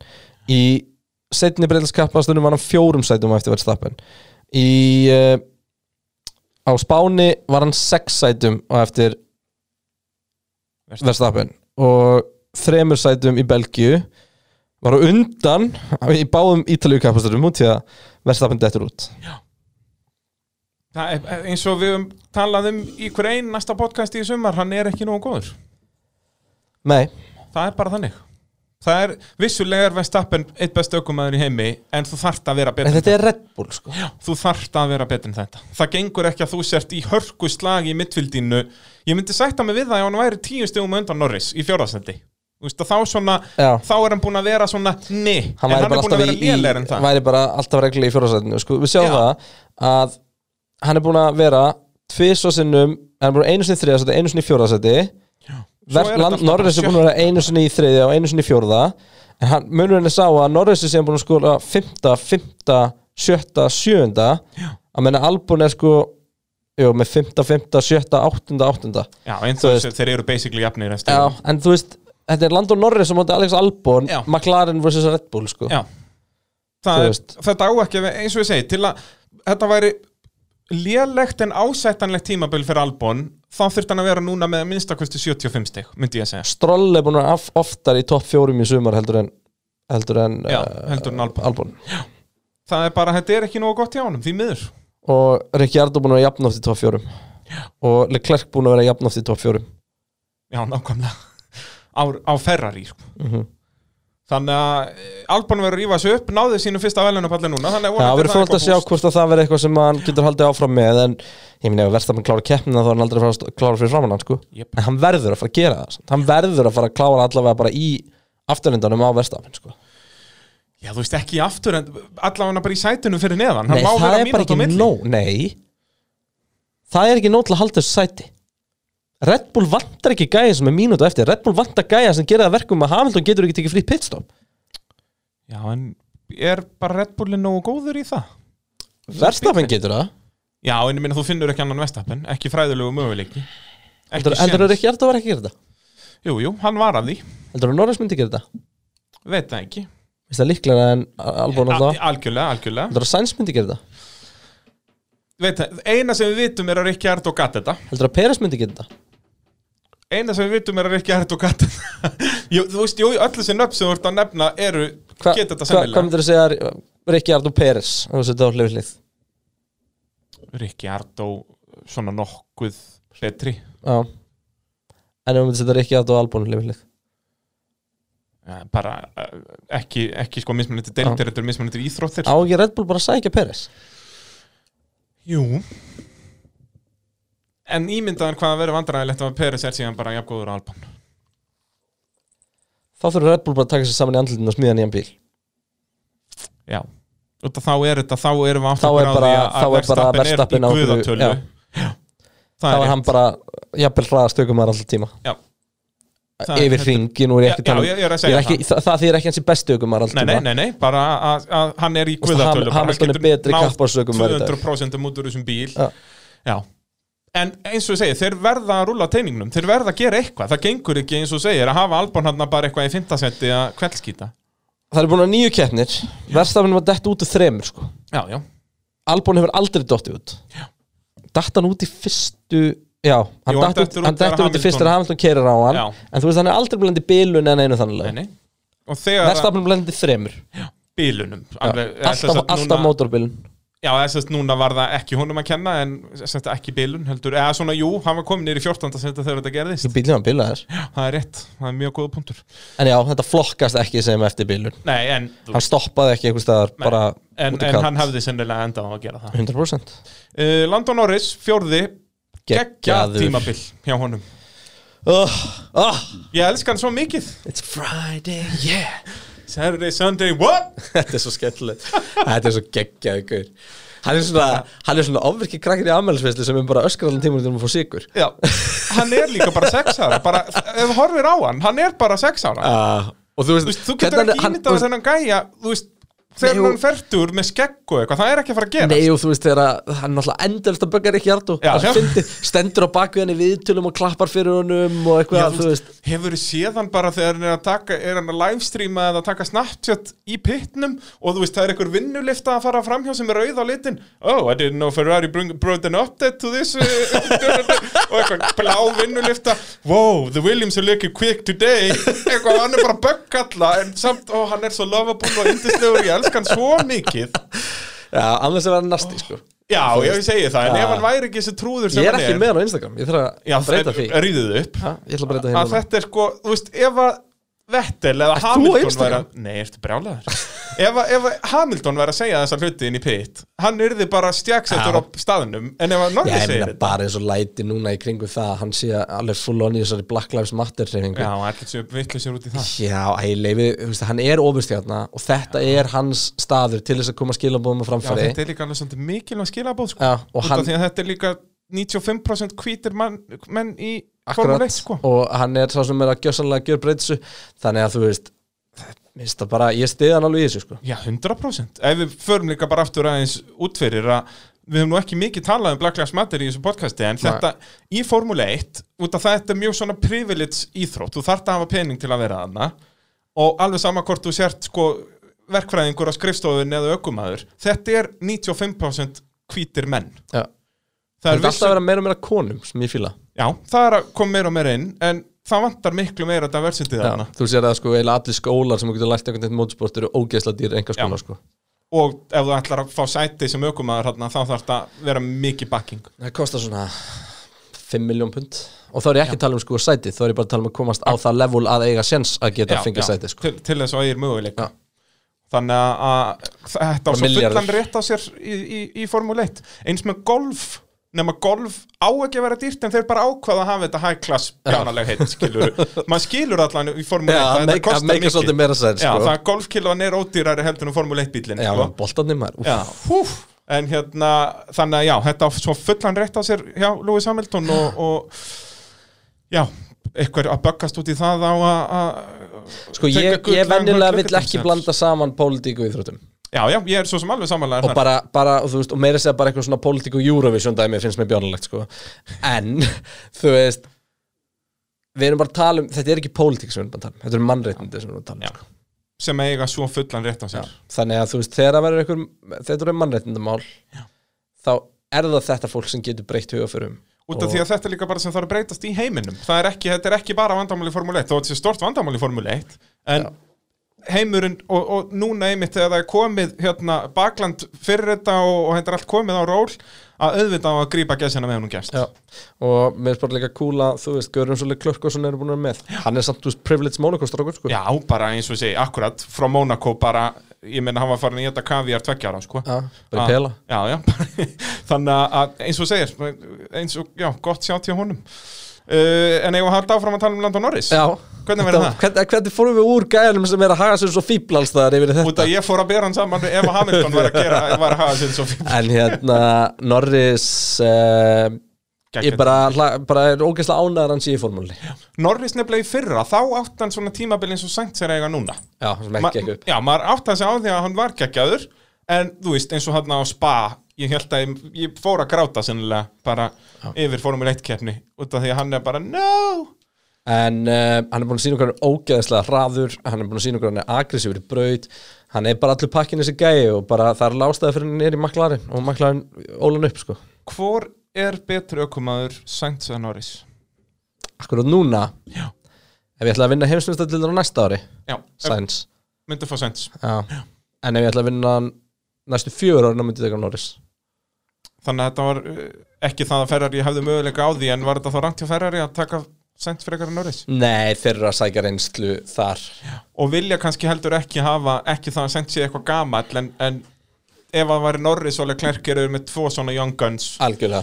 þó að Sainz er alveg ennþá í því á því Sainz kaliberi, er svolítið 26 að 7 ára sko. Já, já. Og, og svona, já, já. En Norris frábær. Uh, Þriðja sæti Max Verstappen. Þarna 110 stig gegn 65 hjá, hjá Norris. Maður sér greinilega munin hann frá topp þremur niður í mittfildið og eins og við talaðum á Norris er hann einhverjum 22 stugum og undan Sainz. Þó að Sainz sé í 11. seti sko. Sko Benz hafa ekki lent í bílun ennþá í ár. Já. og munu ekki lendi bílu Bottas eina bílunin innan gæsalappa er sprungi dekk á Silverstone sem að þýðir að hann er ekki stig. Hann er samt bara 25 stigum á undan Verstafin Verstafin er búin að detta út í þremur keppnum út af bílunum Já, Vestappen er búin að vera betri en Bottas þetta tímbil hann er alltaf búin að vera velunapall í, í öllum keppnum sem hann hefur klárað. Já. þriða seti, annars seti, annars seti, fyrsta seti annars seti, þriða seti Já. og hann með jafn mörg önnusæti og, og, og um, Bottas er veru. Hann er með jafn marga sigra á Bottas. Bottas er með einum fleira uh, þriða seti og er svo með fymta seti hann á móti Verstafinn á að vera í öðru seti í þessari keppni sko. Sem og er Verstafinn alveg átti að magnað. vinna í Östuríki að mínum að þið en hann alltaf dættur út svo snemma það er svo erfitt að segja að keppnin er alltaf geta spilast hvernig sem er sko. Um, Já, hann er bara stórkostlegur drengur. Já. og maður, við fórum við aðeins yfir þetta á hann, maður átt að sé ekki á því hvað þessi Red Bull bíl stendur. Nei, út Því af að þú Albon, veist- þú veist, ef Albon er bara hann vinnur á Silverstone sko. Já. Hann er á öðru sæti hann er í öðru sæti á Spáni. Hann er í öðru sæti í fyrri breytlandskapstunum ok, já, springur, Bottas var örugur í öðru sæti á sprak, hann var á öðru sæti í Ungarlandi. Ég bjóst við því. Hann var í, þú veist, ég átti alveg eins vona að hann er í öðru sæti eða Já, fyrst sæti í Östuríki á ég að segja þér hverju þú bjóst við, Kristján?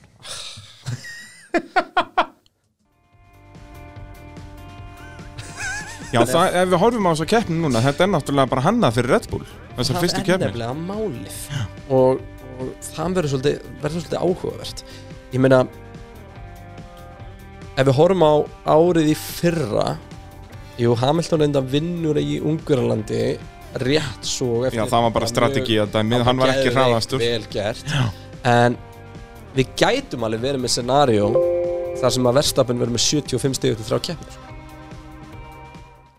Við gætu verið með scenaríu þar sem Verstappen er með 75 steg eftir þrjá keppnir, hann var með 33 til að leiðrétta það? Já, hvað var Hamilton með? 50, 60 60 og eitthvað sennilega sko, já. Þannig að- þú vissulega spáði Verstappen góðum hlutum hann til að byrja með þetta leitar Það þannig átti engin vona á bensinni Þetta er svona dómið Nei, nei. Það er bara nákvæmlega þannig. Ég, ég var að hlusta einmitt á fyrsta átta sem að þú segir að, að þú veist, það verður svo bjánulegt þegar við horfum tilbaka eftir næstu reglubreitingar út í að hérna, til að við munum horfa tilbaka til 2020 hvað allir voru ógeðslega jafnir. Já, og þú veist, það hefur bara aldrei verið meira bil líku við sko. Já bara, það er, það er, það er nákvæmlega svo leiðis Benz er bara búin að koma okkur svo óvart veist, ekki að koma okkur óvart þessu bestir. Bara hvað þeir eru bestir Já, bara veist. það sem ég sagði í sko uppbytunum þættunum að fyrir alvöru keppnina var þetta hér Og náttúrulega núna með stittra tímabili þá náttúrulega verður það líka skemmtilegur út að þá er eiginlega bara garanterað að, að titilreisið mun fara bara í síðasta reis. Þetta er alltaf bara, Hamilton komið með 100 stíma fórskot bara með 5 keppnir eftir og máli stendu Eins gott að vera ekki svoleiðis núna Og bæði vei, sko, þó að fáum stittra tímabil þá held ég að Hamilton muni ná þessu 100 stíma fórskoti bara Þeir eftir fimm, fimm keppnir eftir? Já, ég minna hann er hvað, með 60 og 60 á fórskoti eða eitthvað? það eru þrjá keppnir sem hann hefur til að ná því. Ég held það sko.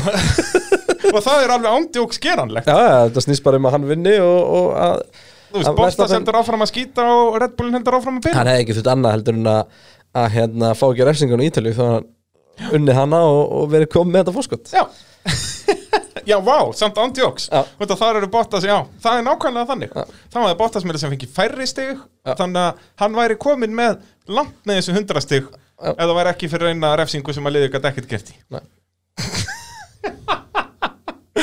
Já, eins gott að fá mikið svoleiðis tíumbil, Kristján Djöð væri það væri hrikalegt Já, ó uh, Verstappen, já, það er eitthvað meira sem við viljum segja um hann Það er svo lítið að segja um hann því hann er bara svo góður en hann, hann er svo nálægt þessu hann er búin að vera svo frábær í öllum þessum keppnum sigurinn hans í, á, á hérna á uh, Silverstone setting keppni var náttúrulega bara geggjaður Já. og maður vonaði svo innilega myndi halda áfram en það er bara kudos og hann hann er að vinna sko, Bottas er ekki lélegur aukumærin hann er að vinna hann aftur og aftur og aftur og aftur og, og bensin greinilega betri sko. uh, Ef að, sérst, mér finnst svona mest uh, svona stöðuasta driverline uppið á þessum midfieldliðum er Peres og Stroll að mínum að ti Ef að Peres og Stroll væri í, í Red Bull hvað voru þeir með mörg, hvað væri þeir núna með mörgstig? Verstappen er með 110 og Alban 63 væru þeir tveir, þú veist, með 80-80 eða væru þeir, þú veist, hvað hversu góður með 80-80 Peres var ekki búin að vera að setja hennar uh, og Stról var ekki búin að setja hennar Red Bull í annarsætti sko. Nei, þannig að þeir væru svona kannski með 70-70 ég myndi, aldrei, ég myndi ekki eina- segja að en Stról sé betur aukum en Botta sko. Nei, og ég held að 20-20 bensin sé betur en 20-19 bensin Já. ég, ég veit það. Já. þannig að þú veist, þá væri þetta bara þannig. Þannig að þetta er í rauninni bílinn er ekkert spes, þessi Red Bull bíl þetta er bara verðstappin sem er svona ótrúlega góður aukumæður ég held það. Já, ég samanlega er það sko. Red Bull bílinn er, ógeðslega góð- er kapparsbíl Mm. það er bara eitt sem er störtla góður. Já, þú veist meðal aukumæður á þessum Red Bull bíl væri með þetta Albon er 75 meðal stig. aukumæður Nei, Albon er fyrir neðan meðal aukumæður nei, hann er meðal aukumæður ef hann væri fyrir neðan við veistum ekki glemja að Red Bull er ekki bján sko. ef hann væri fyrir neðan meðal aukumann þá væri hann ekki að kera Red Bull. Það er svo leins 100% Vorum við ekki að tala um á hann að hann væri fyrir neðan neðan meðal aukumæður hann er í, hann er í tíð 2 Já, já en þú veist, já, jú, já en þú veist, ég, Í þessu tilfelli er ég að kalla Stroll og Peres meðal aukumæn já, ok, jú já, hann er í þeim hóp. Já. en spurning hvernig er eftir en eða í þeim hóp. já, ég myndi segja að hann væri neðalegi í þeim hóp. Já, ég meina, ef þú ert ekki að skila stigum og ert í Red Bull, þá bara so sorry En, en já, þetta er svo sem við erum sammála um þetta að Verstappen er að ta- talandi að þessum- keira þennan bíl sko talað þessum Red Bull, eins og þú segir, við, það er úkslega erfitt að lesa um bíl. Því að þú veist, akkurat, ég var að tala um þetta fyrst að fyrirfram þá átt hann er úkslega góður í Östuríki og Ungarlandi og eitthvað svona út en er svo bara fín, uh, einhvern veginn á spa og eitthvað þannig, en, en svo var hann ekkit sérstakur á Monza. Þú veist, þetta er bara svona, þetta er ógeðslega flókið. Og hann hann ætti að vera allt í lagi í Rúslandi allt í lagi á Nürburgring Mm. Veit ekki um Portugal. Nei. Þú veist það er ógæslega erfitt með Portugal. Ég veit ekkert hvernig, ég þarf að, ég þarf að hen- henda mér í Portugal fyrir Portugal, þá slið verið búin að aðeins að analæsa þessa braut betur. Uh, Ímóla þekki ég bara ekkert sérstaklega vel en hann ætti að vera fýtt þar það er alveg stopp start þar. Síðustu beðnar hægar og jú, Ímóla er ekkert svo hröð. Nei, hún er það ekki Þetta er hann að, það koma tvær hraðar sem er ábygglega flattbáttbeigður í dag. Hann semst eftir vinstri uppbeiguna Já. og svo kemur vinstri upp á hólnum og svo tvær hægri þarna. Niður. það er pottet flatt átt í dag hann að niðri tvær hægri. Verið sko. Og svo vinstri beigðin eftir það er líka eiginlega flatt átt og svo kemur sér keinið að, Tyrkland mun þurfa fullt að downforce Tyrkland er svona braut sem ég myndi halda til dæmis að ætti að henda bíl eins og, eins og Racing Point. já, þú Já. veist. en það er bara ekkert gefið. Uh, Red Bull verður allt í lagi bara einn fyrri. Já. það var alltaf í Abu Dhabi. En aldrei, veist, það ætti að vera solid með næst besta pakkan sko. já, já, algjörlega. Uh, í öðru sæti í mótinu er, er Valtteri Bottas. Uh, og bara Ömurlegt magnað- tímabil er Valtteri Bottas. Já, algjörlega, hann er með 135 stig. Og þú veist, það að hann skulle vera að berjast við verðstappen um annarsætið á þessum bens er til háboruna skammar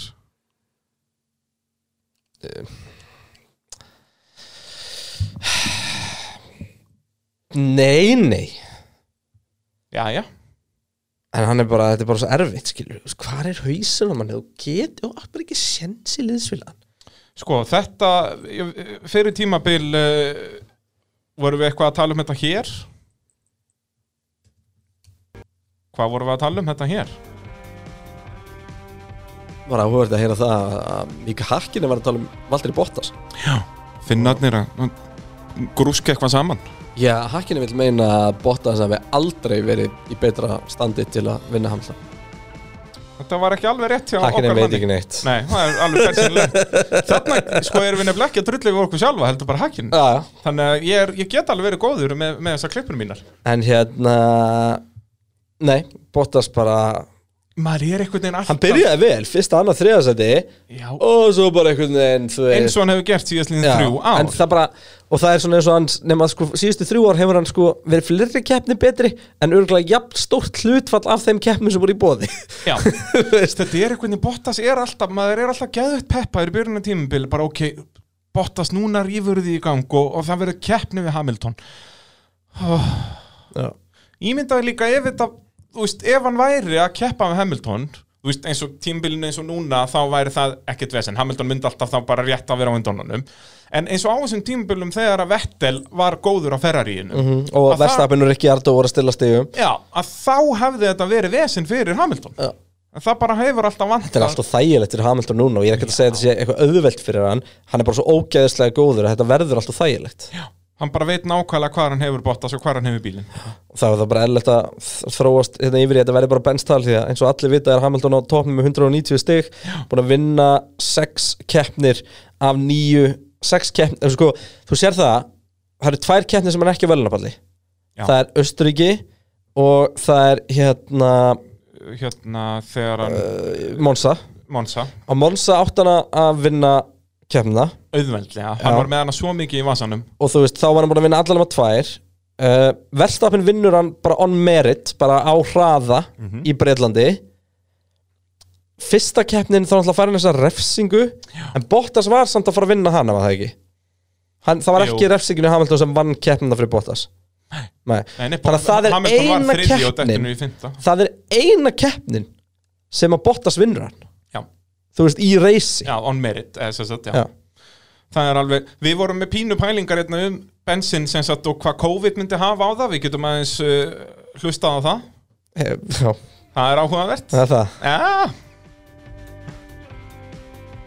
Ég, ég held það og það er sem sagt, ef við ætlum að ræða sem sagt, hver er að græða og hver er að tapa á COVID að þú veist, Benz get ekki verið að tapa á þessu frekar en einhver önnulið út af eins og þú segir, það er valin maður í hverju rúmi. reyndar, ég held reyndar að á heldamyndina sé þeir að tapa á þessu Já, út af því að hinn er ná að catcha. Og út af því að við fyrum ekki til Kína þeir finna alltaf í Kína. Já, já, svo er það náttúrulega hinn fyrum ekki, þú veist uh, á brautir sem að Hamilton er bara búin að byggja sér upp Ástralía. Já, já, þú veist Ástralja og kannski fleira. minnsta Mercedes-brautina en samt er hún Mercedes-braut sko. þannig að þú veist það er svona ímislegt í þessu sem að bendir alveg til þess og, og hleypir á svona lífi í þetta. Það var ekki, ekki alveg svoleiðis. Nei, Það var spáðu ekki samt í ef við, ef við hefum byrjað á þessum Asjúrúndi. Þeir hunni allar keppnir. Já, bara one, two, allstaðar Þeir hafa venjulega bara þrísvarsinnum náð 1 og 2 í sem Það er ekki náttúrulega Hamilton að kenna. Nei, nei. Hamilton er bara að bjóða upp Bottas að vera í öðru setja bak við sig í uh, sex tilfellum. Já, eða sjö eða eitthvað, nei, sex Já. Já, já, já. En, en En Hamilton er bara með Hann er bara með hálstak á allri Bottas sko. Já. Það er ekkert sem Bottas getur gert á mótunum Bara ekki neitt. Og það verður þannig. Bara, en, en þetta er náttúrulega drauma E Eina sem getur stoppa Hamilton frá titli er COVID. Já, samt bara svona næstum því, ég meina hvað, hann er með 65 Jú, ok, ef hann myndi fá COVID núna. Já, meina- miss, miss út þrjár keppnir. Og er samt ekkert vissum að Bottas er komið frá hann Jú, hann var komin í 200 stig já, ok, hann var rétt á undan. Eitthvað hannig var rétt á undan og svo myndi Hamilton vinna rest. Já, já, þið segir það, COVID er ekki semst, hann hefur þryggja reysa buffer, þetta er bara eins og Schumacher 94 þá ve- verður Schumacher meistari þó hann missar að þremmu kemnum já, og ég meina, þú veist við förum á nýja braut. Það ætti kannski að vera eitthvað wildcard sem myndi tröfla Hamilton. Nei, Nei, ekki séns, það er frekar eitthvað sem tröfla Bottas. En, en Bottas hversu oft, þú veist fyrstur í fyrsta hengu, fyrstur í annar hengu fyrstur í þriða hengu, fyrstur í fyrsta hluta tímatakana. Og svo bara Hamilton, herra já, ok. Hamilton. á bara nú þarf ég að fara að kera hratt. Já, allir sig þú ekki best að kera hratt. Þú veist eins og í Benz Breitlandi hann að annari tímatökunni að þá svona var einmitt þetta situation búið að vera allir helgina. Og þegar að Hamilton var að kera hratt þá fer hann út í kant og tapar fullt af tíma og eitthvað. Og maður bara býtu hei, hvað er að gerast? Svo bara í setni rauninni í Q3 hálfri sekund á undan já, ég veit ekki með þetta Nei, Rússland næst en uh, já, þá erum við búin að fara í gegnum alla aukumörna bara í svona almennt séð eitthvað búið að koma þér á óvart? Uh, já hversu góðir Mercedes voru, við náttúrulega fórum yfir þessar klippur hérna úr, úr sérst setni uppbytunum þetta Mér minni ég alltaf sagt að þetta eru svona dominandi. Já, það ekki Og að Vettel verður þarna svo litið þriðansendi Það sem búið að koma mér hvað mest á óvart er hvað áhrandarlega svo brautunum er ekkert búið að trubla mig Já, það er, það er nú góða við Formule 1 að það er eitthvað Það- mér finnst ógeðslega skrítið að horfa fótboltaleik, sko. Já, mér Já. það agalegt, mér líður alltaf eins og þess að horfa æfingaleik sko. Já. Ég bara mega það ekki En í Formule 1, já, ég samanlega þar, það tröfla mig ekki neitt sko. Nei, Sem það er snilt Bara frábært sko og hérna, mér finnst líka bara að gera vel í að maður upplifið þetta ekki Já, algjörlega Ég saknaði þess að það væri ekki hérna, Tifosi að fagna Gastli á Monsa Já, og vá hvað það hefði verið geggjað en þú veist, þá hefur Ítalski þurft að horfa á Binotto Deja í beinni Já, það er þetta rétt, en ég menn, er það ekki áhugavert líka? Nei, sleppum því. Þannig að, hérna, það trubla mann ekki mikið og ég, þú veist að einhvern nátt, er það bara betra. Þá er ekki, þú veist, eins og klassíska mómenti á Silveston var það ekki fyrra þegar að Hamilton og Bottas er að berjast og það er klift yfir á stúkuna. út að þeir sem voru með útsendinguna heldu að það væri sagt, að Hamilton væri komin fram úr og þá þarf að fara stúkun út að er í Bretlandi. En hann var ekkert alveg komin fram úr og, svo, og þú veist, og við mistum af þetta þessu það var bara einhverju bretara, þetta var Já. agalegt. Þannig að við, núna er ekkert svoleiðis. Nei, nei, nei. En uh, Já, svona almennt séð þá samt sem við erum búin að hafa mjög gaman að þessu tímbili Við erum að fá skemmtilega keppnir Alveg frá, þú veist, fyrsta keppnin Hún var æðisleg, Breitlandskeppnina báða voru frábærar Svo Um, tvö valdkort núna basically. Ítalíu keppnina báða geggjar Þannig að Það er ekki oft sem að fær, fær svona bjánalega viltar keppnir. Í röð? Já, Nei, Já eða bara tvær á tímabili Nei, nei, nei, það er við oftast fengum bara hann svona Þú veist, í fyrra var líka geggja tímabil þegar fengum, þú veist, Brasilíu og Þískaland og, og fleira. Já. og þetta tímabil er alveg jafn gott Já, ég bara fyrir allt sem er búið í gangi þá finnst mér þetta bara búið að vera frábært og búið ótrúlega gaman líka að standa í þessu. Pits, Já, það er, þetta er dásamlegt. Liggja, yfir þessu allt annan hátt. Og hérna, Ég hef haft mjög gaman að þessu podcast-tæmi og þetta einhvern veginn bara gerur keppnar skemmtilegri fyrir mér. Já, Ég náttúrulega var í, í alltaf að skrifa fyrir vísi þannig ég var alltaf að fylgjast með þessu en, og þú náttúrulega alltaf að lýsa. En mér finnst þetta mitt maður er svona með annað hugafæri þessu. Já, fær svolítið að vera fan bara. Já, akkur, já, nákvæmlega það. Það er engin pressa, sko. Og þú ert ekki einhvern veginn eins og mig ekki fastur í fréttamannum og þú varst náttúrulega líka mjög fastur í því að vera sem lýsandi að það þarf að vera svo geðveikislega impartial að að verður svona frekar Já, dýrt. já, ég held sem það, þú veist þessu, ég er alveg frekar impartial, sko. Já, Ég hef ég svona alveg held að það komi sko. ég held að að núna þegar þú verður ekki búin að vera lýsandi í einhver ár Þetta var það samt alveg byrja bara líka sem keppandi maður fór að bera öðruvísi virðingu fyrir öllum ágrittin Já, reyndar það maður áttaði sig á fórnunum sem þeir voru búin að færa alltaf faraðangað og allt, öllu sem að leggja á sig og hversu ógeðslega góðu þú ert tótt og heitir bara Latifi í Williams sko. Já, já, já, nákvæmlega. Það er, og ég oft sagt það ég held að sko núverandi hópurinn og bara hópurinn síðustu ár sé langsterkasti hópurinn ever. Og ég, þá er ég alls ekki að segja að Hamilton sé endilega bestu ykkur all tíma þótt að hann gæti vel verið bestu ykkur all tíma. Um, það sem ég bara meina er bara að, að meðal getustíð þú veist fyrir, meiri sér bara þegar að sko sjúmakar hakkinem voru, þá voru við bara með eitthvað bjána hann aftast sko. Já, veist. algjörlega. Eins og núna, og ég er fyrir að horfa á fyrr þá er þetta bara 94 tímabilið. prinsar frá Sáti Já, bara- að koma og keira eina keppni og eitthvað. Já, já. Bara eins og, ekki lengra síðan 94 Ég er búin að vera að horfa á það tímabil Svona season review Og þar eru þetta bara einhverju þrollar hérna Og alveg hellingur af þeim. Bara 6, 7, 8 gæjar sem eru bara einhverju svona fullt af einhverjum Japunum sem komist að neinn Já. bara út af akkurat, sko. og, og Yamaha voru þarna Já, og- Yamaha og, og, og þá voru bara fengnir einhverju gæjar sem voru búin að keira einhverju supercars þar. Og bara gátt ekki neitt. Hvað er hérna, hvað er skrýtnustu vélaframlundur í Formule 1? Yamaha er upp þær Já, mér fannst alltaf svo áhugavert þegar að það var hérna þegar mótorinn í Red Bullum var Tag Heuer. Já, og þú veist, af öllu þá vildur brandað- líka ekki sponsa mótorinn í Red Bull á þeim tíma sko. Já, og að, að það sé úraframleðandi sem í því, það er, er einkennilegt. Alltaf bilaður og, og gæti ekki leitt. Það er frekar spes. Um, Var ekki McLaren Lamborghini einhvern tímann?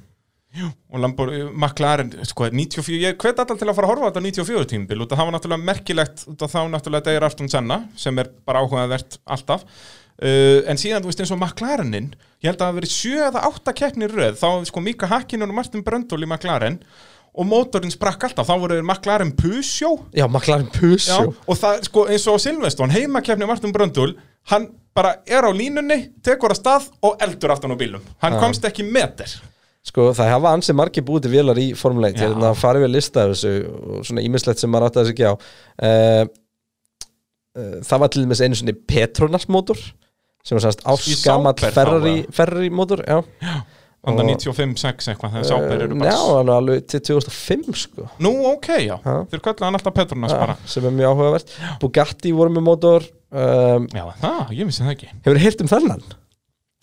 Coventry Climax Það hef ég ekki, jú, ég hef heyrt um Climax, þeir voru vinsalir bara in the 60s Ég bara hef aldrei heilt um þetta sko En, en Coventry Climax ja, bara bresk keppnisfél Og já, en það var sem sagt Þeir byggu til liftara Það er svoleiðis. Þannig að það er, er spurning hvort að það sé eitthvað tengt hérna Tengt uh, því sem hann er að tjóka með hann Hann uh, Norris Já, það geti verið, nei, þannig þetta er lungu fyrir hans tíma. Þetta þarna var bara í Bretlandi bara, heyrðu, hér er eitthvað yðnaðar fyrirtæki sem á vestmiðju Látum það gera vel í Formule 1 bílun okkar og það viljum ekki kaupa veist, Það voru, var bara hægt að kaupa tvær vélar eða eitthvað Þannig þú vildir kringum eitthvað edge- 1950 var alls konar sko, Pratt. Whitney, Offenhauser, Vanwall Repco sem var þetta bara Oldsmobile vel Já, þarna Eh. náttúrulega á þessum tíma þurftur svo mikið að vera smíðið þinn eigin vél og annars kom Enzo Ferrari að gera grínaðir og þú vildir það ekki. Þá Ah. varstu garagistas ah, og, og það kom ekki til mála sko, en síðan náttúrulega þurfti Enzo að borða ansi marga sokka í, eftir þetta þar sem að garagistas byrjuði að vinna hann.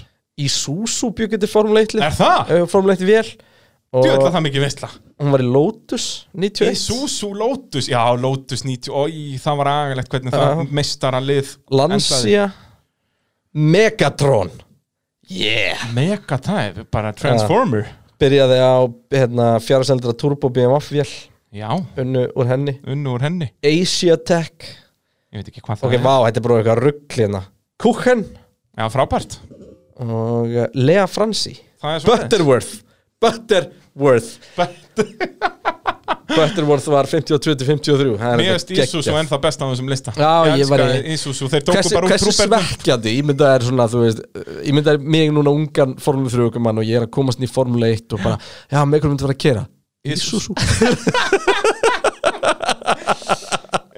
Eða hérna frá þessum liftara framleiðanda hérna, Já, það er eiginlega meira cool, sko. Herri, við ætlum að gera svona 20 minna podcast, eða ekki? jú, svona max 40 Já, það er útvöld hvað við kunum tala um Já, þetta er endur Formule 1 ásamlegu hlutur. Heldur betur, smá auka þáttur fyrir ykkur en hérna með, með pubquizið Ég meina það, ég til að hendi þetta. Svona eh, ef að þið fýlið það, ef ykkur finnst það góð hugmynd að taka eitt svona spjallkvöldi og bræði væri þá til taks til að bara bæði bara eitthvað svona, svona live Q&A eða eitthvað álíka og eitthvað, þú veist, spjall og bara hitta hópin og svo hérna að henda í, í eitthvað svona podcast eða, eða, eða GT Academy móti eitthvað álíka. Endilega kommentið á hérna á þráðin um þennan þátt og, og uh, já, við sjáum hvort við hendum ekki kring. Já. Bara KE og B hundurinn. out. B-svinið og K-selurinn